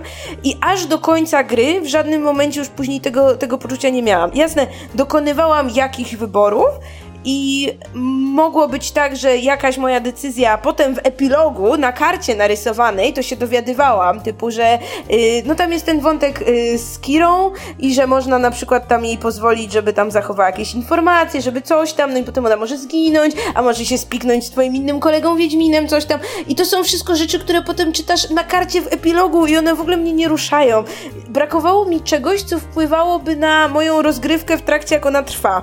A takich wyborów w Wiedźminie praktycznie nie ma. Ciekawe, bo, bo ja w ogóle nie czuję tego, co mówicie. W sensie nie, nie miałem takiego poczucia, że te rzeczy nie wpływają. Nie miałem takiego poczucia, że questline z Baronem jakoś bardziej wpłynął na świat czy otoczenie. Miałem ten problem, o którym mówiłem wcześniej, że bardzo często to były wybory moralne dotyczące, które były czysto jakby teoretyczne, były dla mnie konceptami teoretycznymi, a nie dotyczyły postaci, które, z którymi byłem emocjonalnie związany. Ale jak już dotyczyły postaci, z którymi byłem emocjonalnie związany, to no to działały na mnie na tyle, że ja nie miałem potem potrzeby wracania do tego, albo żeby to jakoś mocno wpływało na świat, zdaje się. Miałem takie bardzo duże poczucie w tej grze yy, podziału na rzeczy, które są bardzo istotne fabularnie i to jest ważny questline, to jest ważna historia i na rzeczy, które były takimi ładnie pokolorowanymi wypełniaczami mimo wszystko, nie? I, i czułem, że czułem, że te, te pierwsze były doskonale zrobione i na przykład y, y, motyw wiedźm, tych takich w lesie, ja pamiętam, że do końca gry, jak miałem coś do zrobienia w lesie, w tamtej okolicy, to był y, punkt szybkiej podróży, który był blisko tych wiedźm i ja się tam nie teleportowałem nigdy, bo odpalała się wtedy muzyczka z tymi, z ty, jakby team tych wiedźm i ja po prostu byłem za bardzo przestraszony, żeby tak grać. Musiałem, przyjeżdżałem, przyjeżdżałem cały las z drugiej strony, byleby nie zbliżać się do tamtego już opustoszałego tego, tego, tej, tych chat, które one tam zamieszkiwały z tymi dzieciakami i tak dalej, i tak dalej. Więc to na mnie działało, te wszystkie wątki na mnie działały. Ale z drugiej strony, jak sobie próbuję przypomnieć z tych mniejszych questów, które niby były tak na wysokim poziomie napisane i one były w pewnym stopniu na wysokim poziomie, w sensie na przykład dialogi brzmiały naturalnie i tak dalej, i tak dalej, ale mam wrażenie, że to było tak, że jak masz mm, w Assassin's Creed Origins w którym jakby questy nie są na najwyższym poziomie pobocznym. Jest jeden questline, który się kończy w dość szokujący sposób. I ja jego pamiętam, mimo że był krótki, pamiętam go znacznie bardziej niż te wszystkie szokujące questy i wybory moralne w Wiedźminie. Ja wiem, że trochę się powtarzam z tym, co mówiłem wcześniej, ale to mam wrażenie, że troszkę się że trochę było tego za dużo, że trochę, jak wiesz, jak oglądasz film Zaka Snydera i masz, i każdy, każde ujęcie musi być piękne wizualnie, to po chwili zapominasz to, co cię tak zachwyciło, bo jest ich tyle pięknych wizualnie, tych, tych, y, jak to są, to nie są sceny, tylko coś tam, nie? I trochę miałem tak w Wiedźminie, że było tak dużo tych wyborów moralnych, że one przestały na mnie działać w pewnym momencie i to też wpłynęło na te lepsze questy, że po prostu byłem tak przyzwyczajony do wyborów moralnych, że nawet w tych lepszych one przestawały na mnie robić wrażenie. Wiesz co, to, to jest oczywiście bardzo subiektywna kwestia, ja pewnie powinienem było o tym wspomnieć na początku, ale ja sobie Wiedźmina dawkowałem, to znaczy były momenty, gdzie po 20-30 godzinach gry ja miałem już trochę dość Wiedźmina i robiłem sobie przerwę na inną grę. I w momencie, w którym mówisz, że ty zacząłeś grać i skończyłeś dopiero, kiedy miałeś go zrobionego prawie na 100%, nie licząc znaków zapytania na morzu, jakby rozumiem, że to wszystko mogłeś poczuć przesyt. Natomiast mhm. ja podszedłem do tego zdecydowanie bardziej jak do serialu, który, gdzie mogę sobie robić. Po prostu ta gra jest napisana jak serial, to znaczy e, Wiedźmin sobie jedzie i nagle trafia do wioski i w tej wiosce jest parę problemów i to jest jeden odcinek i potem mogę sobie pograć w cokolwiek innego. I, i, wrócić do Wiedźmina. Natomiast ja kojarzę questy, które robiły na mnie wrażenie, kojarzę też questy, gdzie bardzo bezpośrednio odczuwałem, że to moje decyzje i mój miecz tutaj decyduje o, o losie. Jedną z moich ulubionych postaci w tej grze jest y, Dijkstra, który jest fantastycznym mm. sukinsynem, tylko że jest swojemu sukinsyństwu wierny aż do końca i po tym jak wspólnie mordujemy Radowida, on się obraca przeciwko temerskim partyzantom i ty musisz wybrać tutaj, opowiadasz się po jednej lub drugiej stronie lub zostawiasz ich, żeby sami się nawzajem wymordowali. A to było, Dijkstrę lubię strasznie, Dijkstrę lubię bardziej od e, temerskich partyzantów, których imion w tym momencie nie pamiętam poza Wes e, i chyba Talar tam był, ale, ale ich jest więcej, to jest więcej ludzi, których lubię, a poza tym Dijkstra jest teraz pełnym synem, więc nie mogę tak po prostu, no, no przykro mi, no był synem, musiałem go zabić e, i, i było mi strasznie Wydawało mi się, przykro. że ja miałem jakieś zakończenie, w którym nie musiałem, wszystko poszło dobrze i nie, nie było żadnych problemów, co, ale Dijkstra, nie pamiętam Dijkstra go. ma jakiś dziwny wątek, gdzie on szuka swojego skarbu, że czyjegoś skarbu, czy coś i ja nigdy tego skarbu nie znalazłem i dlatego Dijkstra kazał mi się wypchać, kiedy go prosiłem, czy może mi pomóc w Kermoren, więc może jak znajdziesz mu skarb, to cię lubi bardziej i tam jest jakiś inny wynik tego wszystkiego. Nie wiem. Pamiętam, że on mi doradzał ten, dawał mi rady w kwestii Tris. W sprawie Tris, o Jezu, ta, ta, ta scena w porcie, przecież ty jesteś tam z Dijkstrą, kiedy on ci mówi, hej Geralt, obejrzyj się. Przecież to jest piękne. Tak, tak, to jest świetne. Są takie sceny, które dokładnie zapamiętuję właśnie to, jest, jest masa takich y, scena, przepraszam, ale po pierwsze zakończenie. Ja miałem zakończenie w wersji najlepszej i dla mnie ono jest perfekcyjne. Jak tak naprawdę do końca. Jaka, sorry, jaka jest dla ciebie wersja najlepsza? To jest ta, w której Ciri dostaje, zostaje Wiedźminką i dostaje miecz na koniec. Okej, okay. to ja miałam inne. Ja miałam to, że Ciri zostaje następcą yy, Nilfgaardu, że tak to powiem. To jest to takie bittersweetowe, no. Serio? To jest to bittersweetowe? A podobało mi się. I, I w ogóle wątki z Ciri były spoko. Tak, w ogóle zakończenie i to jak, jak Geralt wchodzi i nie wie, czy Ciri jest martwa, czy nie. Tak. W tej, ten cały wątek z siedmioma krasnoludkami. Super to było. I, i jest to, jest, są zakończenia trzy. W jednym Ciri ginie, tak? W drugim, ym, drugie to jest dla mnie to bittersweetowe, że ona wbrew swojej woli, ale jednak zostaje królową. I jest to zakończenie, w, których, w którym ym, w którym ten, jak on się nazywa, ojciec Ciri? Ym, Emhyr? Emhyr Geralt mówi Emhyrowi, że Ciri zginęła. Emhyr mówi, okej, okay, fajnie, że zginęła, to pozdrów ją nara, ale daje jej spokój, co jest, wydawało mi się trochę nie Emhyrowe, ale jest, jest tak, w taki fajny sposób napisany jest dialog pomiędzy Emhyrem a Geraltem, że... Wiesz co, ja w ogóle tego nie odczytałem tak, że Emhyr się domyśla, że ona naprawdę żyje w tej scenie. No to, ale ty dostałeś też zakończenie, że Ciri, Ciri zostaje Wiedźminką? Wiedźminką tak. No to dla mnie ten dialog wprost mówił, że, że on wprost sugerował, że on się domyśla, że, że to nie jest prawda.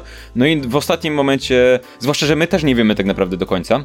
I na końcu Wiedźmin, y, Geralt przychodzi do, do karczmy, w której się tak naprawdę wszystko zaczyna i daje Ciri miecz. I to i miecz, to jest, takie, jest taka bardzo ładna, bardzo filmowa scena, w którym y, Ciri ogląda ten miecz i w momencie jak go zamyka, to w tym samym momencie, w którym zamyka, ekran się zaciemnia i zaczynają iść napisy końcowe. I ja miałem ciary jak w tym momencie, jak ten. A jeszcze was pojawiło. zapytam, wy wiedzieliście, które decyzje, jakie podejmowaliście, które decyzje wpływają na to, co się stanie z Ciri? Bo to przyznam, nie, nie, że nawet było fajnie ukryte.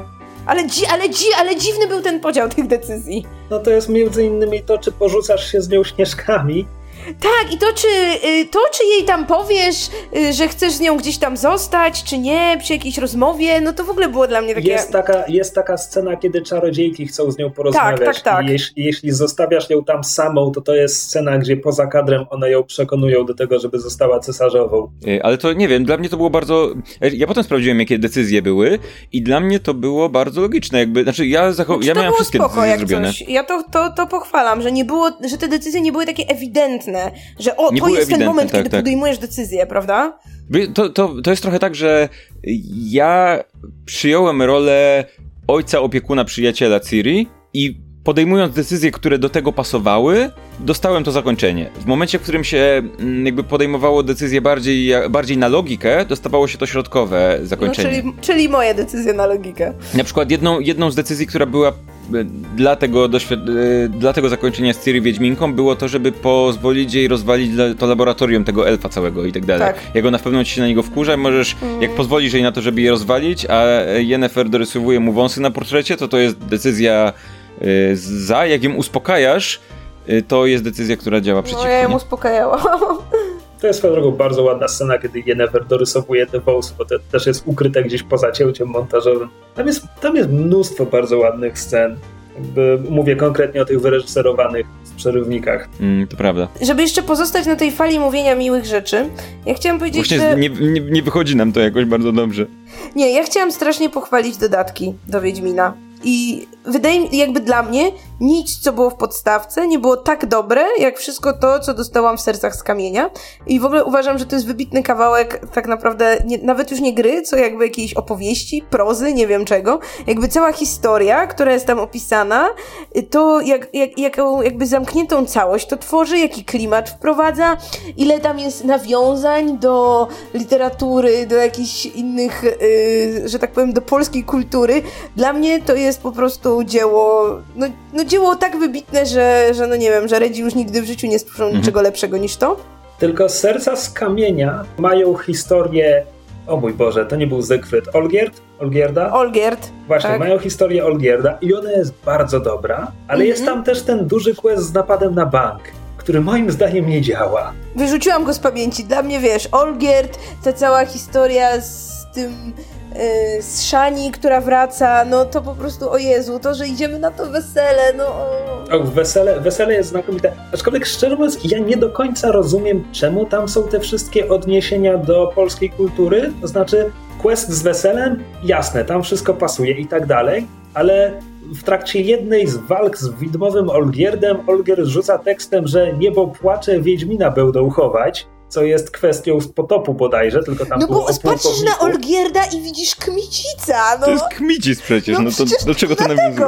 No bo on tak wygląda, ale jakby jego historia nie ma z Kmicicem nic wspólnego. Swoją jeśli o jego historię chodzi, to wszystko zaczyna się od, od questa, w którym schodzisz do kanału w mieście, żeby zabić wielką żabę, która okazuje się być e, cudzoziemskim księciem, bo Olgierd miał z nią z nim kosę o jakąś dziewczynę i potem się dowiaduję, że on go zaklął w żabę czy coś tam. I ja nigdy potem nie potrafiłem sobie złożyć tego do kupy, co to była za dziewczyna, bo to nie była ta jego ukochana. Ten początek jest jakiś dziwny. Ja nie odpowiem, bo ja nie grałem w dodatki. W sensie grałem w dodatki i nie wciągnąłem mnie. Ja nie pamiętam, y, jak te, te, tego akurat tak nie powiem ci, nie powiem ci. Bo znowu, dla mnie historia Olgierda jest super, jest fantastyczna, jest tam wiele bardzo ładnych questów, momentów, to jest ładnie napisane, to jest wszystko super. Ale gameplayowo to był moment, w którym Redzi się zakochali w Dark Soulsach chyba, bo tam pojawiają się bossowie, którzy nie są przeciwnikami z Wiedźmina, bo tam walka z wielką żabą w kanałach, albo walka z demonicznym ogrodnikiem, który jest śmiercią, albo cholera wie czym. To były momenty, gdzie ja po prostu musiałem sobie zbijać poziom trudności, bo, bo nagle Naprawdę? coś się odpaliło. Wiesz, wiesz co, ja we wszystkie Wiedźminy grałem na poziomie trudności o oczko wyższym od normalnego. A, okej, okay, może dlatego. Nie, bo ja grałem cały czas na normalnym i jakby byłam już tak podkokszona po podstawce, że w dodatkach nie miałam żadnych problemów tak naprawdę. No to nie, ja właśnie bardzo konkretnie mówię o tych walkach z bossami, które, gdzie oni ewidentnie postanowili poeksperymentować z formułą i wprowadzali jakieś nowe rzeczy, że nagle trzeba było do nich podchodzić zupełnie inaczej niż do normalnych walk i no mówię, no musiałem sobie obniżać poziom trudności, po prostu nie dawałem rady. Kojarzę, że dodatki zmieniały też trochę rzeczy w mechanice, ale... Ja nawet ja nie, nie, korzystałem z tych ulepszeń, które się pojawiały w sercach z No właśnie, ja też, dokładnie. Ja tak kompletnie z nich nie korzystałam. Ani tego, co wprowadziły serca z kamienia, ani z tego, co wprowadziła potem krew i wino. Jakby zupełnie nie. Mnie to w ogóle wkurzało. Ja, to, czego nie cierpię, to jest jak gra, gra, którą dobrze znam, nagle mi dodaje coś mechanicznego, co jest nienaturalne dla mnie. I tam były te takie jakieś Runy, dokładanie jakichś runów czy czegoś takiego. Jeszcze. Ja grałem tylko kawałek tego pierwszego dodatku i nie grałem w ogóle w drugi, więc, yy, więc mam mało Dlaczego? ale chciałem zrobić jeden... Oba są znakomite, ale krew i wino dodaje ci tam jeszcze, wiesz, ćwierć gry prawie. Krew i wino dodaje ci zarządzanie domem. Ja mam ten problem, o którym yy, trochę już nawiązaliśmy go, że, do niego, że ja grałem w tę grę do oporu jak potem mi dodali jeszcze, to ja nie czułem potrzeby, jakby czułem się wyciśnięty przez tę grę i być może kiedyś wrócę do tych mhm. dodatków, w sensie, że zagram tylko w te dodatki zupełnie osobno. Oj, warto. E, ale zrobiłem też mini research, y, Krzysztof, bo okazuje się, że są dwie wersje dialogu z MHR-em na koniec i w jednej on wyraźnie sugeruje, a w drugiej nie, bo w jednej mówi, że Wiedźminie nie chcę cię już więcej widzieć, a w drugiej mówi Wiedźminie nie chcę was już i poprawia się, nie chcę cię już więcej widzieć. A, to ja ewidentnie z jakiegoś powodu miałem ten ten pierwszy. Ale nie wiem, nie wiem co, co, co powoduje, yy, który dialog dostajesz, ale ja dostałem ten, ten drugi i on zdecydowanie mi zasugerował, że on mówi w liczbie mnogiej do Geralta, więc coś musi być na rzeczy, nie? Okej, okay. co? To co jeszcze mamy do omówienia? Bo ja bym chciał wrócić do jednej rzeczy, o której trochę Krzysztof nawiązał, o um, Wesemirze, który tańczy na stole, ponieważ uważam, że ta gra jest niesamowicie zbagowana i ma niesamowicie dużo glitchów graficznych i rzeczy, które się działy, łącznie z tym, że w pewnym momencie wyszło DLC z jak, jakąś grupą ludzi, którzy się zmieniali. W, był wilkołak na pewno w tym jakiś, jakiś DLC z wilkołakiem, które się zepsuło i nie dało się go, dokończyć questa tam i było pełno jakichś questów, które, których się nie dało kończyć. Ja wiem, że Krzysiek grał w grę później, ale... Znowu, ja, ja też nie, miałem, grałem późno. Nie miałem żadnych takich problemów. Oni to potem naprawili, ale ja bardzo długo czekałem, bo tam było takie coś, że wychodziły na bieżąco darmowe DLC i któreś z nich było zbagowane po prostu, albo kolejne zepsuło to poprzednie, czy coś takiego i nie dało się go dokończyć i łatka wyszła tam jakieś tygodnie później, albo na przykład to, że na Skellige regularnie trafiałem w porcie na ludzi, którzy szli y, ze skrzyniami, robiąc krok z tego, z Monty Pythona, wiesz, robiąc nogi do góry i tak dalej, i tak dalej. I to bardzo długo to naprawiali. Jakby regularnie idzie ci ktoś, kto ma w ręku skrzynię, i jeszcze oni się wpatrywali w, w ciebie, jakby prosto w, jakby w kamerę, w Geralta. I mijali cię, idąc jakby przesuwając się i patr wpatrując się cały czas, czas w ciebie i robiąc takie kroki jak, jak w, w Monty Pythonie było pełno takich rzeczy, jakichś glitchów, jakichś rzeczy, które się zacinały, jakichś potworów, które nie mogły zginąć, bo dostawały, dostawały na jednym punkcie życia i biegały dookoła ciebie i nie dały, trzeba było ładować save nie wiem, ja grałem w tę grę od razu po premierze i było w niej tyle bugów, że ja się bardzo, i chyba tylko przez to dobre pisanie nie było takiego, takiego backfire'owania jak przy okazji Assassin's Creed Unity, które tam, czy, czy tego, czy, czy Andromedy, gdzie krążyły o, tak. po internecie screeny ludzi bez skór i tak dalej, i tak dalej, bo było tyle bugów na starcie w Wiedźminie, że przynajmniej w wersji na PS4, w którym ja grałem, klatek zgubionych, różnych dziwnych rzeczy, dziwnych animacji, ludzi wchodzących w siebie albo w ściany, albo w stoły, albo coś takiego, że wow, naprawdę ta gra miała bardzo duże problemy po starcie. Mm, ale rozumiem, no że później tylko ja tak, później dotknąłem. to połatali. Ja też grałam chyba dwa lata po premierze i, i nie było już nie było już tego. Ja nawet nigdy nie widziałem, żeby płotka stała na dachu jakiejś chaty, jakby ja, płotka była legendarna, po prostu płotka stająca na... albo płotka wchodząca w kadr w ogóle stoisz, y, masz dialog między Geraltem a jakąś postacią i co jakiś czas wychodzi płotka i na przykład próbuje wejść w tę postać i, i jest takim, jest, nie wiem czy widzieliście ten taki mem, że Judasz wącha Jezusa. Nie? Jest taki mem o tym, że, na, że jest, jest jakiś, nie pamiętam na którym obrazie, ale, ale przynajmniej na kilku obrazach z y, ostatniej wieczerzy Judasz wygląda jakby wąchał Jezusa, jak mu daje, jak go całuje go przy pożegnaniu, nie? Ten zdradziecki pocałunek i tak dalej, i tak dalej, że on bardzo często na tych obrazach wygląda jakby go wąchał. I że podpis jest do tego taki, że największym problemem Judasza było to, że nie potrafił y, uszanować przestrzeni osobistej, nie? I Płotka robiła mniej więcej to samo. Rozmawiasz z kimś, ale za każdym razem jak ta postać jest w, kadrze, to z boku się pojawia Płotka, która mu powoli przybliża nos do ucha tej osoby, nie? A ta osoba w ogóle nie zwraca uwagi. Albo wchodzi w kadr i rozmawiasz z kimś, ale między tobą, między Geraltem a tą postacią jest płotka stoi, nie? To legendarne były te rzeczy, absolutnie. Ale to traktuję jak plus w grze, bo to było świetne. Skoro naprawdę. jesteśmy przy płotce, to quest z gadającą płotką, on jest chyba z krwi i wina. Jest super. Sztuki. Tak. Jest, jest I tam Wojciech ma, ma jest tak. płotką, czy tylko tak. w A, to tak. fantastycznie. Tak, to jest, to jest prawda. A jeszcze wspomniałeś Skellige, więc ja chcę wykoleić tę rozmowę i powiedzieć, e, jak kocham Skellige i mam wrażenie, że jestem tutaj w mniejszości, bo w internecie tak. ludzie zazwyczaj narzekają, że się trudno pływa łódką. Ale I trudno mnie... się jeździ konno. Może, natomiast dla mnie po tym dołującym Welen i jeszcze bardziej dołującym Nowigradzie, w którym siedzimy zdecydowanie zbyt długo. Jak, jak dla mnie ten główny, główne questy w Nowigradzie trwają zdecydowanie za długo, to Skellige było dla mnie takim odpoczynkiem, że nagle jesteśmy w takiej bardziej typowej krainie fantazy, która jest trochę Skyrimowa, no bo wikingowie i ci ludzie, tak, oni codziennie walczą z potworami i w ogóle, ale i mają trudne życie. Ale przynajmniej nie masz takiego dogłębnego poczucia, że wszyscy wokół mają przesrane życie. Na Skellige byli ludzie, którzy zdawali się być zadowoleni z życia. Ja tak bardzo potrzebowałem takiego odpoczynku od tego wszystkiego smełcenia na kontynencie. Ja nie lubię Skellige, bo było bardzo trudno dotrzeć do pytajników, więc nie zrobiłam wszystkich. No dobra, ja, ja nie stuprocentuję gier, więc miałem ten sam problem i to zarówno jeżeli chodzi o wodę, ale nawet bardziej tak, jeżeli chodzi o ląd. Tak. Bo tam były pełno było gór, mapa nie działała w tym, w te, tak. nie wiem czy w tej grze w ogóle, ale na Skellige nie działała mapa. W sensie bardzo było trudno się gdziekolwiek dostać i nie wspominam Skellige jakoś bardzo dobrze.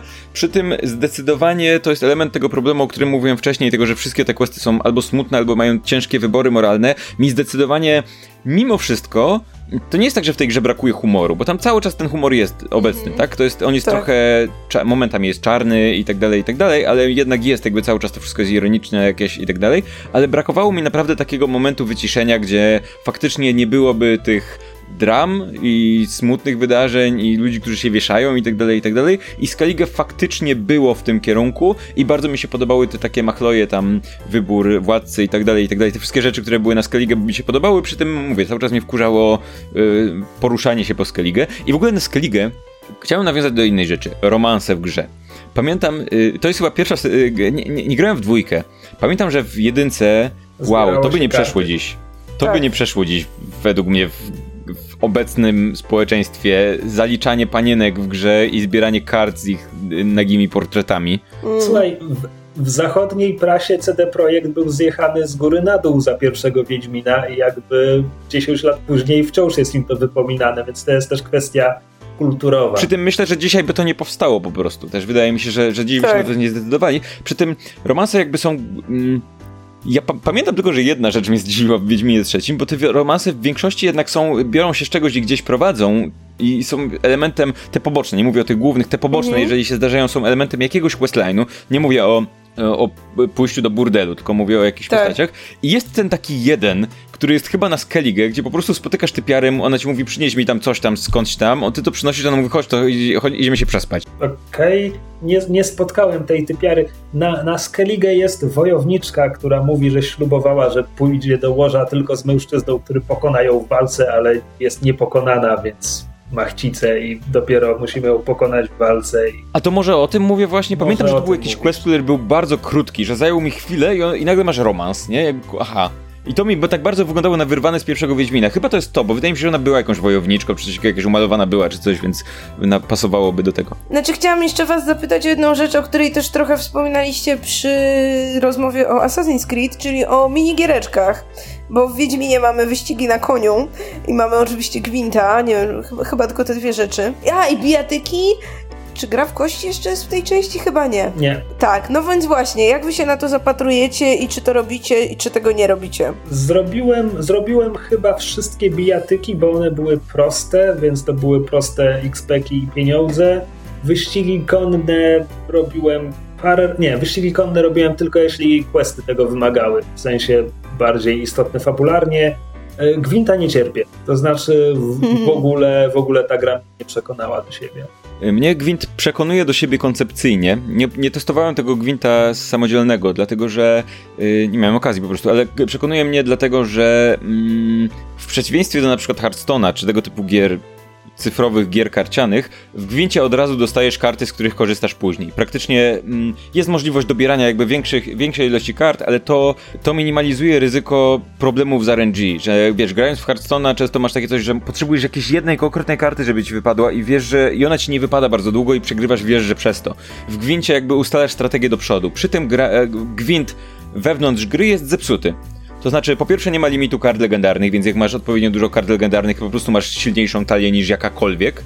A po drugie jest bardzo prosty sposób na wygranie każdego meczu, jest to zapchanie talii y, mocnymi kartami i y, szpiegami, czy coś takiego, tymi kartami, tak, które dajesz po drugiej tak, stronie tak, tak. przeciwnikowi. I wtedy przegrywasz, najpierw pakujesz tych szpiegów y, jemu, żeby jak najmniej kart miał, a potem wygrywasz dwie kolejne tury i więc to jest rzecz, która po prostu w pewnym momencie dało się automatycznie wygrać wszystko, więc przestało dla mnie to być ciekawe. To był ciekawy pomysł, to kolekcjonowanie kart i tak dalej, i tak dalej, ale dla mnie sprowadzał się w pewnym momencie do kupuj wszystkie karty legendarne i zdobywaj, które możesz i wszystkie, i wszystkich jak najmocniejszych tych, ym, tych szpiegów I, i jakby tyle, więc szkoda. A wyścigi konne i bijatyki robiłem je wszystkie, bo były proste, ale nie pamiętam, żeby to do czegokolwiek prowadziło w ogóle. Ja robiłam też wszystko, no bo dążenie do 100%, ale no wyś, wyś, wyścigów nie cierpiałam, że w ogóle sterowanie koniem było dla mnie zrąbane.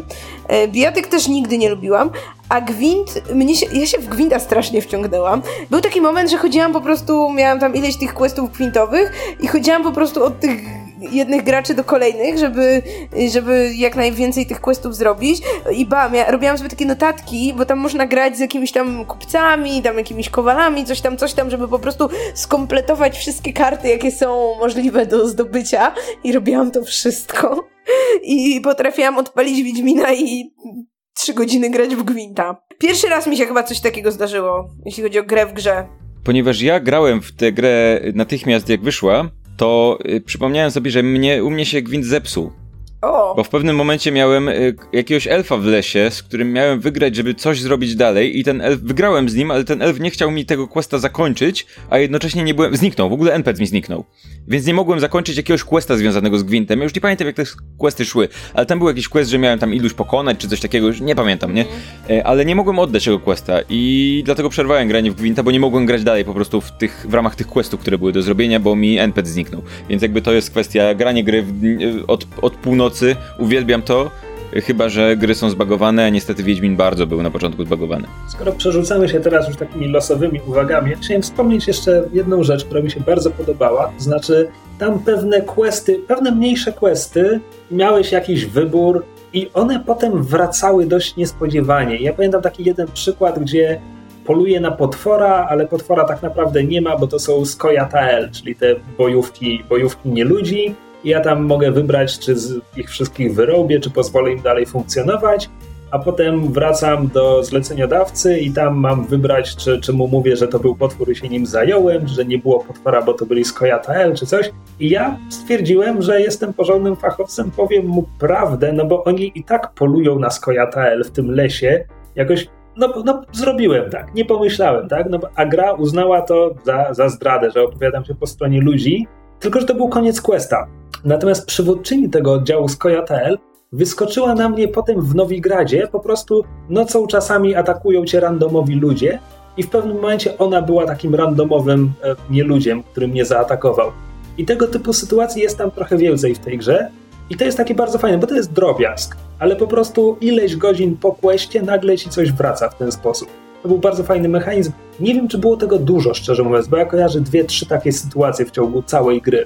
Ale to był taki drobiazg, który bardzo mi się podobał. Dobra, to ja myślę, że pora na jakieś podsumowanie. U mnie Wiedźmin 3 jest, no mimo tych wszystkich wad, które mu wytykam, jedną z podejrzewam nielicznych gier, przy których spędziłam ponad 100 godzin, a to jednak o czymś świadczy. I no... Fa fabuła i emocje, zwłaszcza to wszystko związane z dodatkami, wynagrodziły mi cokolwiek, czego mogłabym się przy tej grze czepić, zarówno gameplayowo, jak i, no właśnie, nie wiem, jeśli chodzi o jakieś te y, rzeczy fabularne, czy konsekwencje i jakieś takie rzeczy, których moim zdaniem po prostu mogłoby być jeszcze więcej, mogłyby być jeszcze lepsze. Więc, a, ale nie jestem pewna, czy to jest jakaś, nie wiem, najlepsza gra na świecie, czy cokolwiek takiego, jakby no te wszystkie tytuły wydaje mi się, że jednak są trochę na wyrost. No, no, no nie, no nie wiem, co wy sądzicie. To jest tak, ja nie gram dużo w gry AAA, ale nie kojarzę innej gry o tej skali, nie kojarzę innej gry, która miałaby tyle tekstu, scenariusza, fabuły, dialogu, wszystkiego, która byłaby napisana na tym poziomie, co Wiedźmin 6. I... Torment. Torment to cierpienie, przestań. Ale mówimy tu jednak o czymś innym. Co da się grać?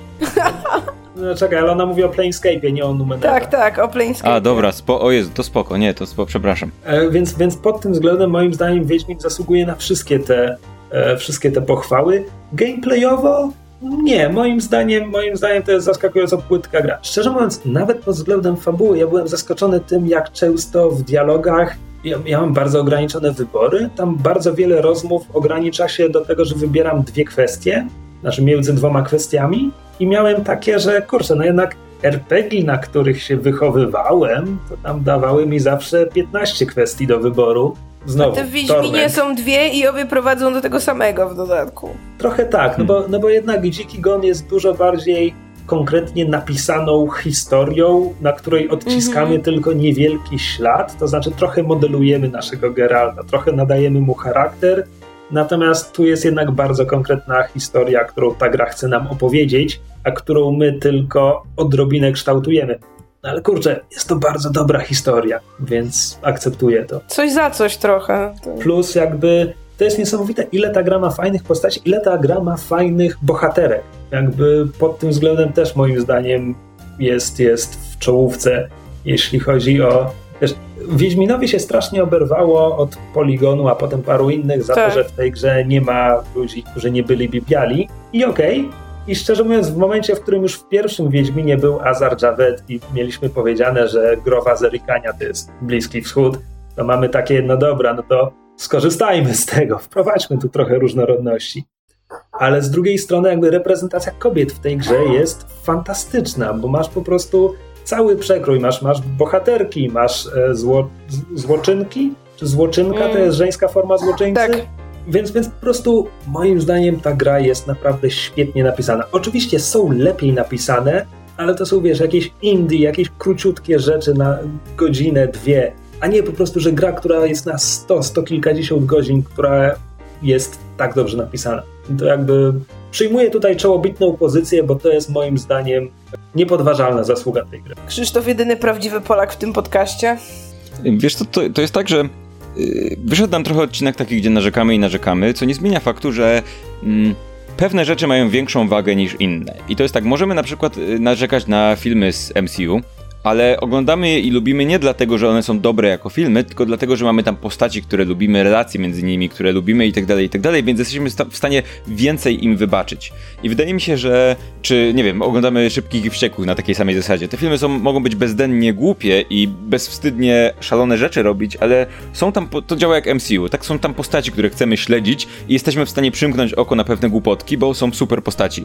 I z Wiedźminem jest trochę podobnie. W sensie nie mówię, że Wiedźmin tam ratuje świat za pomocą samochodu. Wiedźmin ginie ratując syna? Wiedźmin ginie ratując córkę przybraną, czy coś takiego, ale to jest trochę podobnie, że te wszystkie rzeczy gameplayowe, czy w ogóle wszystkie problemy, o których mówiliśmy, mimo wszystko, dziś o nich nie pamiętam. Dziś pamiętam sceny, questy, pamiętam yy, scenę, scenę śpiewania pieśni w karczmie, która, yy, wiesz, ile gier sprawia, że zatrzymujesz się i przez 5-10 minut słuchasz, jak ktoś śpiewa piosenkę w, w karczmie.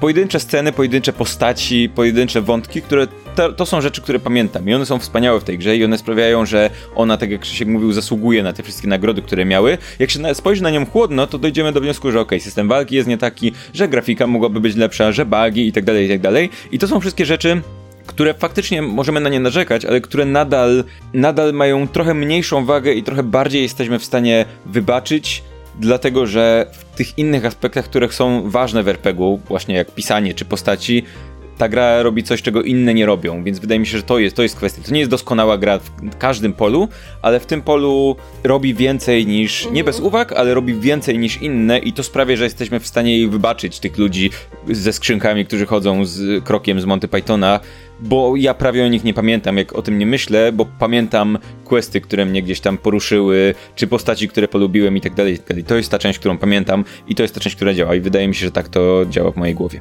Tyle, koniec, wszyscy już się wypowiedzieli, więc chyba kończymy ten odcinek w jakiś sposób, tak? Znaczy, szczerze mówiąc, ja mógłbym rozmawiać o tej grze jeszcze ze trzy godziny, ale miejmy tak, litość ale... dla słuchaczy.